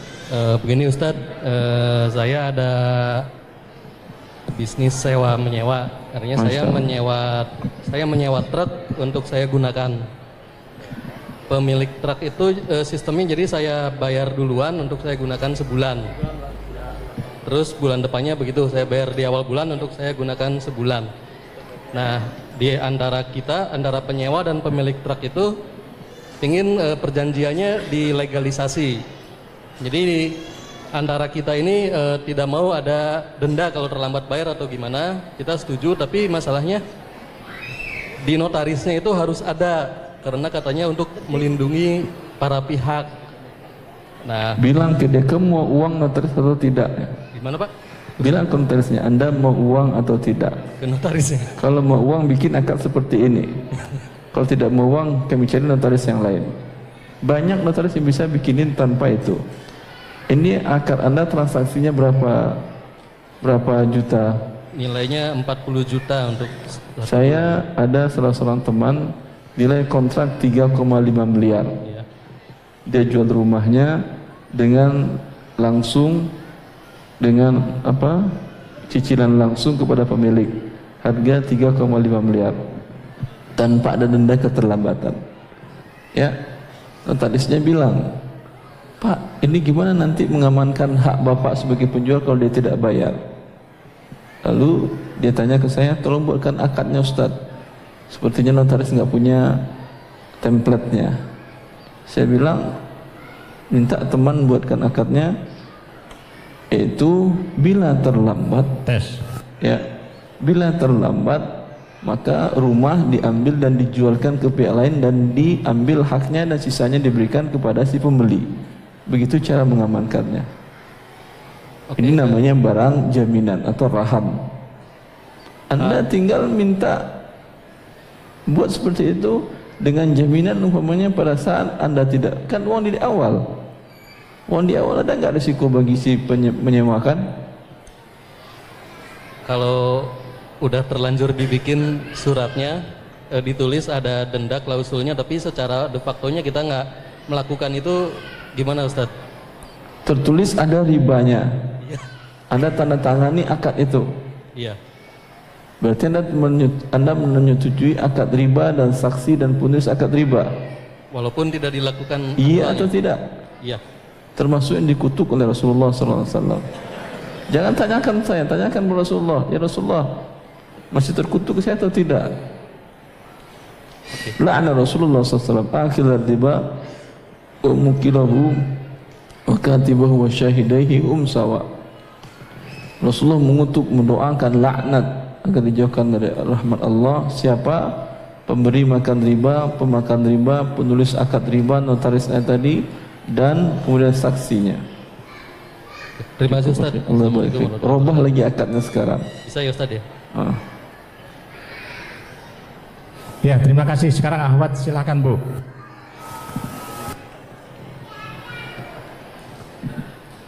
Assalamualaikum warahmatullahi wabarakatuh. Assalamualaikum warahmatullahi Uh, Pak Ustadz, saya mau bertanya. Saya sebenarnya sudah tahu apa yang saya lakukan adalah riba. Saya berhutang. Kurang jelas Ibu? Oh ya, Uh, saya berhutang di salah satu bank uh, usaha mikro ya, makro, usaha makro uh, untuk usaha saya membuka konveksi dan untuk membeli semua peralatan seperti mesin jahit dan lain sebagainya. Ya. Nah, eh, saya pinjam 45 juta dengan cicilan 3 tahun, sebulannya 2 juta, baru 2 tahun, satu tahun lagi. Tapi perang di batin saya, Ibu pinjam 45 juta. Nanti dibayar berapa yang harus Ibu bayar? eh, sebulannya 2 Enggak juta. semuanya jadi berapa? Semuanya kalau saya hitung lebih dari 80. 100% dibayar. Ya, Berapa tahun? 3 tahun. Baik. Iya, udah berjalan dua tahun sampai di, ditawarkan untuk top up karena karena saya pembayarannya lancar. Jadi Disuruhnya top up riba lagi. iya disuruh top up terus. Biar Tapi cepat masuk nerakanya. pandangan Islam tentang BPJS atau dana talangan yang kita setorkan setiap bulannya, tapi tidak dipergunakan. Nah, namun ada kekhawatiran juga jika suatu waktu kita mengalami eh, problem kesehatan yang eh, apa harus eh, mengeluarkan keuangan banyak yang nantinya akan ditalangin oleh pihak BPJS. Itu aja. Satu lagi ya tentang arisan. Arisan, arisan aja ya. Arisan. Arisan aja BPJS jangan nah, arisan Ya, aja. tentang hukum arisan, arisan uang atau arisan barang itu bagaimana? Dah. Arisan uang atau barang? Arisan uang dan barang. Ah. Berarti dua pertanyaannya. Arisan uang, satu arisan barang. Arisan uang Syekh Muhammad Sallallahu Alaihi Wasallam mengatakan dalam buku beliau bahwa ini suatu hal yang baik bentuk kepedulian sesama muslim dan muslimah untuk saling membantu meminjamkan uang. Karena akadnya adalah qard pinjam meminjam. Yang dapat meminjam. Yang belum dapat meminjamkan kepada yang dapat. Nanti dibayar berdasarkan berapa yang diambil tanpa ada pertambahan. Begitu kan ya? Ini adalah pinjam-minjam yang halal. Dengan syarat jangan ada persyaratan siapa yang dapat dia nanggung makan. Kan aneh anda pinjamkan dia uang saya pinjamkan uang tapi bayar saya makan siang saya ya. Siang malam sore pagi sekalian. Kan ini riba semuanya. Tapi kalau tidak ada hubungan dengan makan-makan silahkan hukumnya halal. Tapi kalau arisan barang yang diserahkan barang atau uang Hah? Yang diserahkan oleh setiap anggota barang atau uang? Artinya arisan umpamanya arisan handphone. Berarti setiap anda bawa handphone setiap tarikan gitu uang yang diserahkan kan ya? Diserahkan nanti beli handphone. Gitu kan? Baik. Harganya sama atau berbeda? Beda harganya Ustaz. yang pendapat pertama dengan yang dapat ke 10 beda nggak harganya nanti Sama nggak pendapat yang pertama cuma 10? Sama Ustaz, tapi dari harga pasaran lebih tinggi katanya. Ini sekarang mungkin harganya 3 juta. Tapi untuk antrian yang ke-22 tahun lagi mungkin harganya 1 juta. Paham? Berarti sama atau tidak harga barangnya? Beda atau mungkin naik kalau seperti untuk emas, kalau arisan emas. Ya. Akad pinjam meminjam berbeda yang diterima dengan yang diserahkan uangnya. Apa namanya? riba kecuali akadnya adalah barang memang yang mereka bawa seperti umpamanya kita umpamanya ada 10 orang atau 30 orang arisan emas masing-masing setiap pertemuan ingin dikocok siapa yang mau mendapat? Masing-masing menyerahkan berapa pecahan koin terkecil? Berapa gram? 5 gram? 425 ada benar. Lebih kecil itu enggak ada. 4,25 gram. Dinar kan ya koin dinar. Ada kan koin dinar 4,25 ya.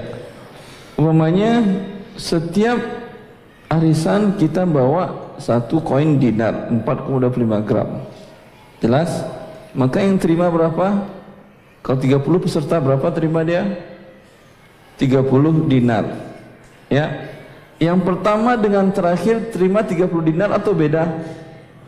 Sama. Walaupun harga uangnya berbeda. Tetapi sekarang tidak ada ribanya. Jelas? Tapi kalau dikumpulkan uang, dibelikan emas, pasti nantinya untuk mendapatkan 30 ada turun naiknya. Maka terjadi riba. Paham? Jelas? Baik. Jelas Ustaz. Langsung kembali kertas Ustaz. Ya. Caranya disiapkan yang pertama yang pertama adalah apa hukum ikut serta asuransi syariah? Asuransi syariah itu namanya. Seperti bank syariah namanya syari bank syariah, tapi apakah dia syariah? Wallah taala alam. Panduan yang dibuat oleh internasional tentang sebuah asuransi syariah adalah bahwasanya sesama para peserta mereka mengumpulkan dana dan diminta pihak asuransi hanya mengelola dana. Dana ini milik bersama bukan milik asuransi.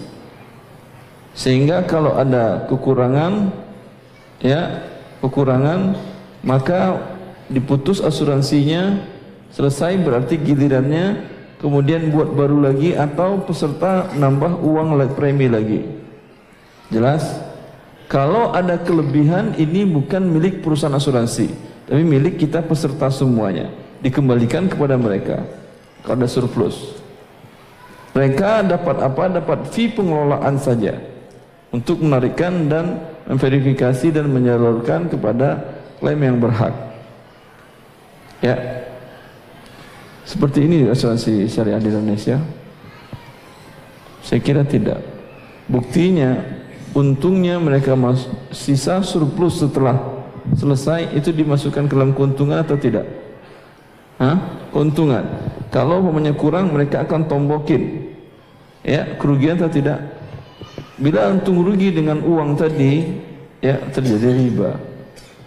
Terjadi judi dan riba. Wallah taala Ya, langsung Ustaz Caryadi, yuk baca nomor dua berikutnya. Assalamualaikum warahmatullahi wabarakatuh. Assalamualaikum warahmatullahi wabarakatuh. Pertanyaan pertama, dalam transaksi jual beli dengan angsuran atau kredit, misal si A membeli HP dengan DP 2 juta, harga HP 6 juta. Pembeli mau mengangsur 10 kali. Sementara kalau 10 kali penjual membuat presentasi 30% dari harga pokok. Dengan perhitungan 6 juta kali 30% sama dengan 2 juta, harga ju harga jual 6 juta plus 2 juta menjadi 8 juta. 8 juta kurangi DP 2 juta menjadi 6 juta. 6 juta yang diangsur 10 kali menjadi 600 per bulan. Apakah ini boleh? Yang kedua dalam sebuah koperasi jual beli harga anggota dengan harga di luar anggota beda harga anggota lebih murah dan di luar anggota lebih mahal apakah ini boleh Ustaz? ini koperasinya apa? dijelaskan Baik. Yang pertama, ini sering saya jelaskan. Yang diharamkan oleh Rasulullah bai'ataini fi bai'ah. Dua jual beli dalam satu jual beli itu bentuknya adalah dia mengatakan ini cash satu juta. Kalau cicil sama satu tahun sejuta lima ratus atau sejuta dua ratus Ya. Lalu itu penawaran belum ada akad. Pembeli mengatakan saya beli. Saya beli kata dia. Ah, ini dia dua akad dalam satu akad. Jelas dua akad dengan satu akad. Karena dia mengatakan saya beli, tidak tahu apakah yang sejuta atau yang sejuta dua ratus. Bisa terjadi riba di sini dan bisa terjadi gharar, tidak jelas harganya. Ribanya bagaimana? Dia bilang dia mengatakan saya beli, udah ambil.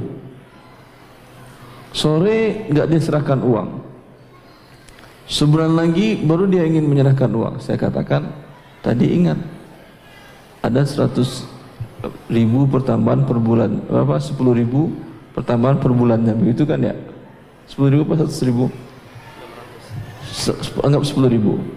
10 ribu pertambahan per bulannya. Berarti kamu bukan bayar 1 juta. 1 juta 10 ribu. Jelas? Ini ribanya di sini. Tapi kalau ini yang haram kalau umpamanya dia mengatakan sekedar penawaran, saya jual ini satu juta, Hah? cash. Kalau umpamanya setahun saya jual satu juta dua ratus, dua tahun saya jual sejuta empat ratus dan seterusnya. Itu baru penawaran. Lalu dia mengatakan saya ambil yang setahun, akhi kata dia. Berarti harganya berapa? Sejuta dua ratus. Ini berapa jual beli? Satu atau dua atau tiga? Satu yaitu tidak ada tunai di sini. Yang ada hanya pembayaran dengan tempo satu tahun dengan harga satu juta seratus. Dan ini boleh. Ijma' para ulama dan Allah mengatakan dalam Al-Quran ini boleh. Ya qalu innamal bay'u mislur riba wa ahallallahu al-bai'a wa harrama riba orang jahiliyah mengatakan riba yang diharamkan dalam Al-Quran itu sama aja dengan jual beli. Kata Allah tidak sama. Allah halalkan jual beli Allah haramkan riba. Mana yang mereka samakan antara jual beli yang sama dengan riba jual beli tunai atau yang tidak tunai? Yang tidak tunai lebih mahal. Itu kan sama mereka katakan umpamanya. Kalau riba dia ingin beli cash. Sejuta tadi harganya kan ya? Tapi dia nggak punya uang. Pinjam ke temannya. Kata temannya udah saya pinjamkan sejuta kau bayar berapa? Setahun. Berarti bayar ke saya sejuta dua ratus. Paham? Dia beli dengan itu barang ini sejuta. Nanti bayar sini sejuta dua ratus. Apa namanya? Riba. Ya atau tidak? Kalau dia beli ke saya langsung dengan satu tahun ah, jual beli namanya. Tapi adakah pertambahan 200 ada atau tidak? Ada. Kan tadi dia yang beli setahun bukan cash. Ah, ada pertambahan 200 ada pertambahan 200 kata orang-orang jahiliyah Quraisy kan sama saja kalau begitu. Ah? Qalu innamal bai'u mithlur riba. Mereka berkata jual beli sama dengan riba. Kan sama saja. Hasilnya sama-sama ada pertambahan 200 ribu. Kata Allah tidak sama kata Allah. Yang ini jual beli halal. Yang ini pinjam minjam riba haram. Wa halallahu al-bai'a wa harrama riba. Walaupun menurut mereka hasilnya sama. Jelas? Masalahnya bukan masalah hasil. Masalahnya adalah ini akad jual beli yang tidak tunai boleh lebih mahal dan ini akad riba tidak boleh ada pertambahan. Kenapa Allah bedakan dua hal ini? Pasti ada hikmahnya. Tahu tidak tahu anda bila Allah membolehkan dan mengharamkan sami'na wa ata'na. Allah tidak mungkin mengharamkan sesuatu melainkan ada mudaratnya. Tidak mungkin menghalalkan sesuatu melainkan ada manfaatnya. Sebagian para ekonom mengatakan kalau dengan barang ah, yang tidak tunai lebih mahal, dengan itu hidup ekonomi. Karena kalau semua barang dijual dengan tunai saja, ya siapa yang mampu beli? Sedikit, jelas. Tapi dengan ada jual beli yang tidak tunai, bangga banyak yang mampu membeli. Ya, jelas anda dengan itu hidup. Dan sekarang pertambahan Tadi pertambahan tidak diikuti dengan pertambahan barang. Hanya uang dengan uang. Ya, kalau ini pertambahannya ada barangnya. Dan di dalam ekonomi bahwasanya Islam tidak menafikan bahwa waktu memiliki nilai. Ya. Tetapi waktu yang bagaimana yang memilikinya dalam Islam? Kalau tadi waktunya ya kan sekedar nunggu doang. Kalau ini waktunya dengan risiko. Ada barang ada risiko atau tidak? Ada risiko. Yang ini risiko tidak ada. Ya. Maka dalam Islam waktu yang memiliki nilai karena dia diikat dengan barang dan jasa. Itu yang memiliki nilai. Tapi kalau waktu yang tidak diikat dengan barang dan jasa seperti pinjaman tadi tidak memiliki nilai dalam Islam tidak boleh ada pertambahan. Karena kalau waktu saja yang ada nilainya, tentu yang paling kaya orang yang paling banyak waktunya. Siapa yang banyak waktunya? Pengangguran yang paling kaya. Kalau orang sibuk, maaf saya nggak ada waktu, maaf saya nggak ada waktu, maaf saya nggak ada waktu. Yang paling banyak waktu, saya banyak waktu saya. Hah? dia pengangguran dan dia yang paling kaya dan buktinya kan tidak ini berarti bahwasanya wa, apa waktu tidak memiliki nilai karena waktunya. Tetapi waktu memiliki nilai ketika dia diikat dengan barang dan jasa. Buktinya anda bekerja kadang anda masuk di pabrik di perusahaan di kantor seharian tidak ada kerja duduk saja. Digaji nggak oleh perusahaan? Halal. Kok enggak? Kalau enggak terserah anda. Kasihkan gajinya ke teman-teman yang lain. Duduk aja karena memang tidak ada perintah kerja dari bos, dari pemberi kerja. Tapi kenapa halal? Karena ini waktu yang ada diikat dengan jasa. Anda tidak boleh menggunakan jasa ini untuk yang lainnya. Maka bila waktu ini Anda gunakan untuk hal yang lain, Anda berdosa. Walaupun untuk baca Quran. Karena waktu Anda dibayar dia bukan untuk baca Quran. Kecuali dia bayar anda untuk baca Quran, silahkan duduk di sini baca Quran, saya gaji anda. Kalau itu boleh baca Quran, walaupun untuk sholat sunat. Allah barik fikum. Sudah cukup kayaknya, eh? atau terakhir satu giliran lagi, karena sebentar lagi azan asarnya berapa? Tiga lewat. Jam dua, jam dua lima dua. Hah? Ya. Tiga lewat dua. Taib, satu putaran lagi lah. Dan saya juga istirahat. Taib. Lewat kertasnya. Kita kertas aja dulu semuanya, kita kertas numpuk. Assalamualaikum Ustaz. Assalamualaikum. Apa hukumnya membeli emas di marketplace online seperti Lazada hanya pembayarannya dengan sistem COD? Apakah boleh? Baik. Pembayaran COD cost and delivery tadi harganya harga awal atau harga pada pada barang sampai? Hah? Siapa yang tadi nanya ini? Umpamanya Anda beli online emas di marketplace tadi di Lazada atau di mana pun ya hari anda membuat akad harga emas anda beli 10 gram itu umpamanya seharga 5 juta 600 atau 5 juta 500 umpamanya umpamanya nanti COD sampai emas di tangan anda di waktu yang sama atau ada jeda waktu ada jeda waktu berapa berapa jam biasanya? Berapa hari? Tiga hari. Anggap tiga hari. Dalam waktu saat dia sampai, dia yang tagihkan kepada anda harga yang 5 juta 500 atau harga sekarang. Kalau harga tiga hari yang lalu berarti akadnya tunai atau tidak? Tidak tunai.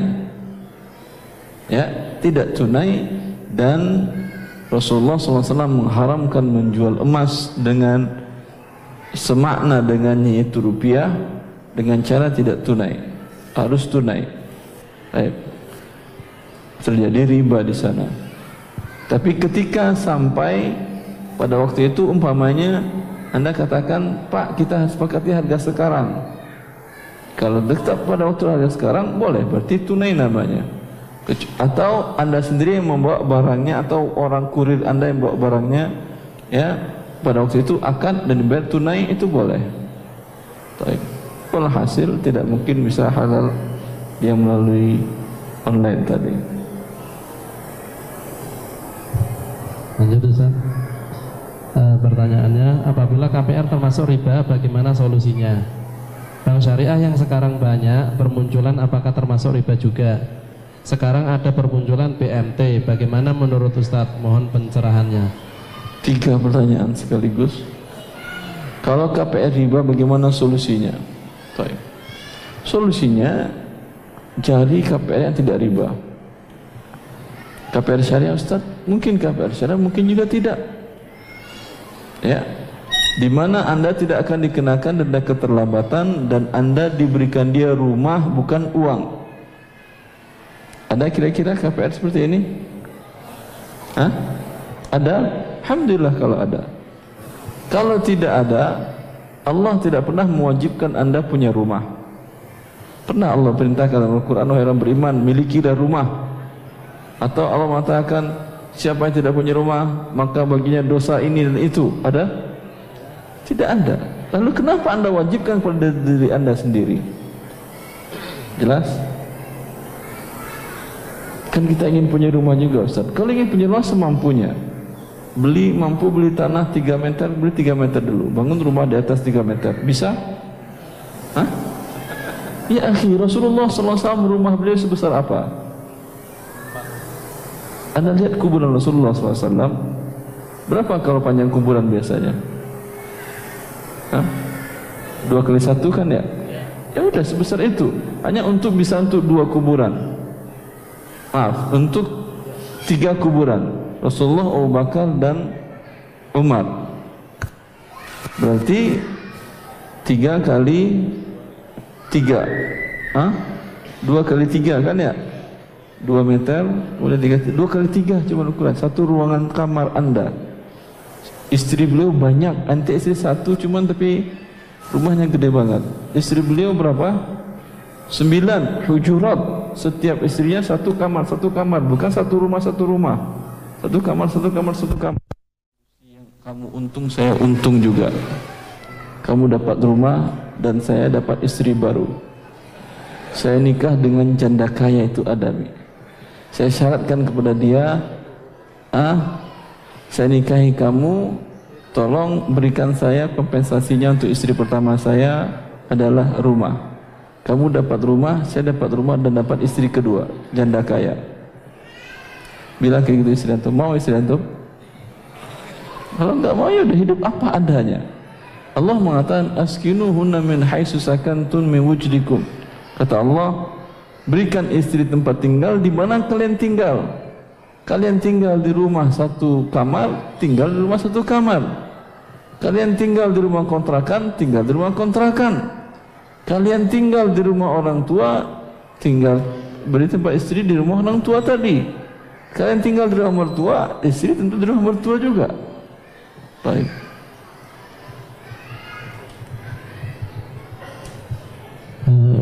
Bagaimana dengan rumah yang sudah dibeli lewat KPR tapi sudah lunas? Anda membelinya sebelum tahu kalau KPR itu termasuk riba. Apakah boleh tetap menempati rumah itu atau tidak? Boleh. Bila sudah selesai akad ribanya, berarti sudah tidak ada ribanya di sana. Ya, dan riba itu tidak ada pada tidak melekat di rumah Anda pada zatnya. Ada pada akadnya. Akadnya kan sudah selesai karena rumah sudah selesai. Wabillahi taufiq. Silakan Mas, berdiri Mas. Yang belakang berdiri coba berdiri. Assalamualaikum warahmatullahi wabarakatuh. Assalamualaikum Saya dari Parum Cikarang Baru. Uh, izinkan saya membacakan sebuah uh, ayat dari Al-Quran dan Al-Hadis. Allah subhanahu, Allah subhanahu wa ta'ala berfirman, Orang-orang yang telah sampai kepadanya larangan dari Tuhannya, lalu terus berhenti dari bertransaksi riba, maka baginya apa yang telah diambilnya dulu sebelum datang larangan dan urusannya terserah kepada Allah. Orang yang mulai bertransaksi riba maka orang-orang itu adalah penghuni neraka. Mereka kekal di dalamnya. Al-Baqarah 275 KPR kredit pakai riba. Beli rumah sama dengan berzina. Riba itu 73 pintu dosa. Do dan pintu yang paling ringan dari riba adalah seperti seorang laki lelaki yang berzina dengan ibunya kan kandung sendiri hadis riwayat Hakim, Ibnu Majah dan Bayhaqi. Uh, dalam KPR uh, subsidi ya, itu apakah uh, booking fee itu hangus boleh atau tidak? Mungkin dalam KPR syariah mungkin uh, secara syariah yang uh, KW mungkin ya uh, booking fee ada yang hangus tersebut. Jadi booking fee itu termasuk akad batil atau bagaimana? Syukran jazakallah Ustaz. Allah barik fiik. Pertanyaan booking fee hangus atau tidak? Yang ada dalam perjanjian Anda hangus atau tidak? Uh, ada yang hangus, ada yang tidak. Ah, taib. Booking fee de, bukan DP kan ya? Uh, booking fee menjadi bagian harga rumah, mengurangi harga rumah atau mengurangi Ka DP. Kalau mengurangi harga rumah dan DP, dia berarti bagian dari harga jual beli. Pada Betul. saat booking fee tadi berarti sudah ada akad. Ada ada. Otomatis ada akad karena dia bagian dari pem- pembayaran rumah tadi. Kalau dia tidak jadi, baik booking fee maupun DP, kalau tidak jadi hilang, betul hilang. Dan itu dinamakan dengan DP dan ataupun booking fee. Kalau umpamanya tidak dihilangkan dia, ini bentuk bagian dari si penjual tadi berbuat baik kepada si pembeli. Paham? Jangan katakan tidak ada imbalan DP itu. Umpamanya si A ingin beli rumah si B harganya satu miliar umpamanya ya atau 100 juta si A memberikan booking fee atau DP sebanyak satu juta rupiah. Tanda jadi ya. Kemudian ditanyakan kapan sisanya? Dia bilang akhir bulan saya bayar sisanya 90 juta cash. Berarti butuh tempo satu bulan. Jelas? Baik. tapi kalau saya tidak jadi saya berpikir dulu lima hari ini. Kalau tidak jadi ini DP tolong kembalikan. Kalau dia mau ini bagian dari kebaikan. Kalau tidak mau halal bagi si penjual. Karena ini dengan satu juta tadi si penjual tidak bisa lagi menjual ke pihak yang lain sampai lima hari tadi. Ya atau tidak? Padahal baru bayarnya satu juta DP dia keluar ada yang datang ke rumahnya Pak saya mau beli rumah bapak ini menurut saya subhanallah saya sangat senang bahagia di rumah ini dekat dari masjid dekat dari pendidikan anak-anak saya ya saya nggak pakai DP DP Pak ini saya bayar 120 juta cash Hah? Bisa dijual oleh si B tadi? Bisa atau tidak? Dia mengatakan, maaf Pak, nggak bisa.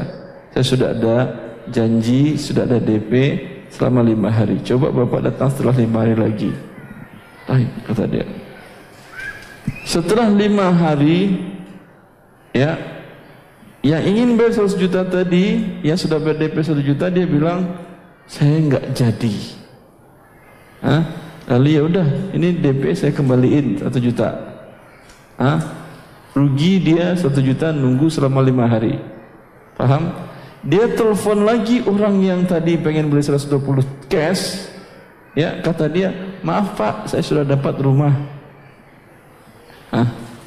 Sekarang berapa kerugian si B tadi? Satu juta apa serat- atau 21 juta? Hah? Banyaklah kerugiannya kan ya. Gara-gara cuman uang DP satu juta tadi, maka berhak hilang satu jutanya tadi. Nah, tadi dibayar 20 cash tambahannya, rugi dia 19. Ya, kalaupun hilang uangnya masih rugi dia. Ya atau tidak? Rugi dia 19 juta. Paham? Sekarang dia ingin minta uang satu juta lagi padahal dia andas si B sudah rugi 20 19 juta. Adil namanya? Tidak adil namanya. Dan secara syar'i halal uang DP itu hilang berdasarkan asal dari Umar bin Khattab radhiyallahu taala an. Beliau meminta gubernur beliau di waktu jadi khalifah yang berada di gubernur yang berada di Mekah untuk beli rumah Muawiyah ya dengan membayar uang 3000 dirham Amir Madinah itu Amir Mekah mengatakan kalau Umar nanti setuju khalifah setuju maka ini bagian dari pembayaran kalau khalifah tidak setuju maka uang hilang boleh dari asar ini Baik. Clear ya. Silakan.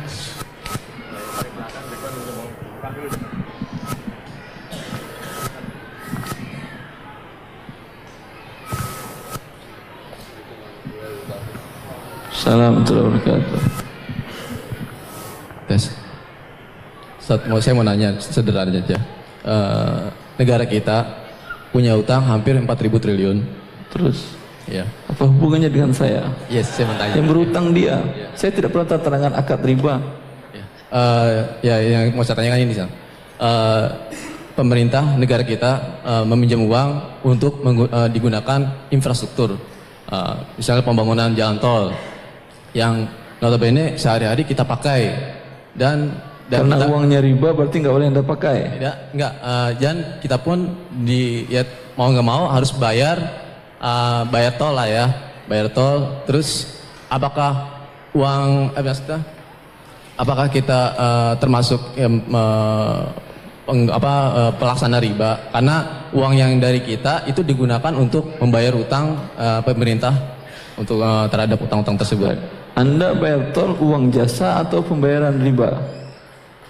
Jasa. Jasa ya udah. Tidak pernah anda bayar akadnya ini pembayaran utang negara ke riba. Enggak kan ya? Akadnya anda menggunakan bayar jasa tol. Baik, cukup. Saya jelaskan insyaallah taala.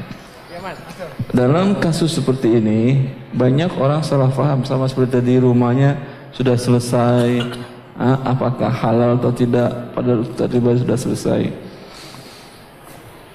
Dalam hal ini ada perbedaan pendapat para ulama tentang uang yang dipinjam dengan riba. A. Pinjam uang dengan riba akad riba kepada si B 100 juta. Digunakannya untuk beli rumah. Kemudian setelah sekian tahun utangnya lunas, ya apakah dan ada bunga ribanya? Apakah rumah ini halal dia pakai atau tidak? Sama dengan yang tadi juga. Negara pinjam uang dengan riba digunakan untuk infrastruktur. Apakah infrastruktur ini boleh dipakai atau tidak? Karena di- dibangun dengan uang riba. Ya, dalam hal ini ada dua pendapat para ulama.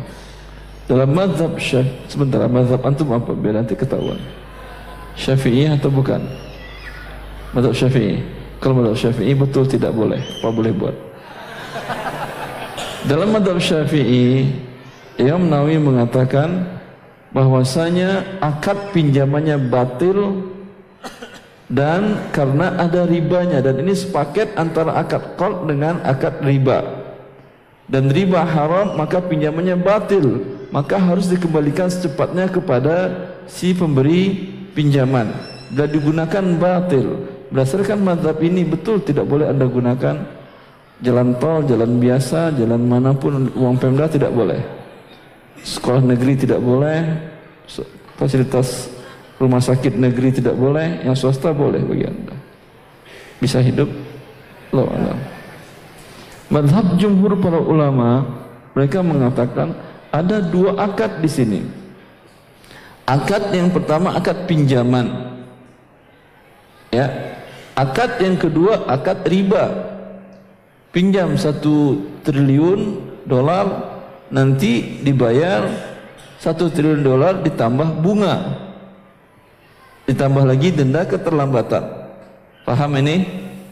Ah akad pinjamannya sah karena akad kod karena akadnya sah kan terpisah antara pinjaman dengan ribanya ya atau tidak karena akadnya yang sah yang haram hanyalah ribanya dengan demikian uangnya sah dipakai oleh si peminjam. Paham? Tetapi ada dosa riba, ini dosa besar. Tapi akad pinjamannya sah. Karena akadnya pinjamannya sah, boleh digunakan untuk infrastruktur, boleh digunakan untuk beli rumah, segala macam. Ketika ini ada, maka dia bertobat dari riba, sedangkan akadnya sah, ini tidak perlu dilepas kepemilikan aset tadi yang dibeli dengan uang pinjaman riba tadi. Jelas ini? Terserah mazhab anda mau yang mana. Kalau mazhab anda mazhab ulama syafi'iyah, jelas tadi konsekuensinya. Jangan pernah lewat di jalan Pemda, jangan pernah lewat jalan negara. Tayyib. Jangan pernah bersekolah. Untuk dulu sekolah di mana dulu antum? Negeri atau swasta? Negeri berarti pakai uang pinjaman riba. Tidak sah sekolahnya. Ijazahnya kembalikan lagi. Tapi sekarang sudah mantapnya jumhur atau mayoritas ulama masih syafi'iyah juga?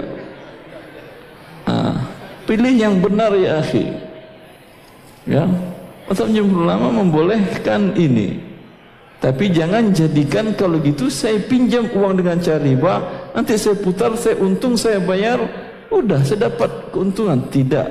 Itu kalau Anda untung. Kalau Anda mati, mati dalam keadaan berbuat riba. Kalau rugi, tetap Anda berbuat riba. Paham? Ini dalam kasus dia bertaubat. Kalau bertaubat, iya seperti tadi. Dia nggak tahu dahulu beli rumah dan KPR dan alhamdulillah sejak tahu sudah lunas sekarang halal atau tidak rumahnya jawabannya halal tapi kalau dia sekarang masih KPR jawabannya jangan lanjutkan. Putuskan akad ribanya tadi. Bagaimana memutuskan akad riba? Tentu bayar pokok hutang sehingga akadnya ini selesai. Jangan bayar bunganya. Mungkin mungkin seperti ada teman-teman yang bisa membantu advokasinya. Jelas? Cukup, eh. Mas, terakhir satu lagi, Assalamualaikum warahmatullahi wabarakatuh. Waalaikumsalam warahmatullahi wabarakatuh. Uh, saya mau tanya begini Ustadz. Saya pernah melakukan riba, pinjam uang ke salah satu bank. Kemudian dalam jangka waktu berjalan, uh, bank ini tutup. Ya, uh, tutup. Iya. Kemudian mungkin diambil alih sama bank yang lain. Tapi dalam jangka yang waktu saya berjalan sama bank itu, saya sudah membayar uh, perkiraan itu uh, dari bu, pokoknya itu melebihi pokoknya saya bayar agar cepat lunas maksud saya. Tapi dalam waktu seperti itu memang pinjaman saya itu memang sudah melebihi. Jadi saya tinggal membayar bunganya saja. Dalam saat itu saya juga tidak bekerja lagi, jadi stop. Jadi data semua hilang semua, tidak ada komunikasi lagi selama lima tahun. Namun saat ini muncul lagi karena memang uh, data saya itu ketemu, jadi saya sudah di blacklist sama BI. Jadi ya. uh, Kemudian uh, BI yang blacklist atau Allah yang blacklist? Ya di banknya itu. BI itu dia pusat riba, dia biarkan dia blacklist anda sehingga anda tidak selamat dari berbuat riba lagi ke depannya. Namun saya itu saya ditelepon lagi karena data saya saya bekerja lagi, kemudian data saya muncul di bank yang diambil alih sama bank ini, saya nabung seperti itu. Jadi uh, data saya muncul lagi, kemudian mereka minta sisa eh, bunga yang belum lunas gitu. Uh, mungkin Nih, temanin dan vokasinya, pengacara bawa ke sana. Jangan uh, tanyakan ke saya, bawa pengacara ke dia selesai urusan anda insya Allah. Ya, maksudnya gini Ustaz, uh, apakah uh, Jangan anda bayar, kalau anda bayar berarti anda pemberi makan riba. Ya, Gaji anda berkurang terkena dosa kutukan, dua kerugiannya. Ya, Daripada dua kerugian, mending ajak teman-teman di advokasi. Ya, itu aja su suka ya, Assalamualaikum warahmatullahi wabarakatuh. Assalamualaikum warahmatullahi wabarakatuh. Sunnah adalah jalan yang ditempuh. Apa itu jalan lurus? Siratal ladzina an'amta alaihim, jalan orang-orang yang kau berikan kepada mereka kenikmatan. Hal jazaa'ul ihsani illa al ihsan.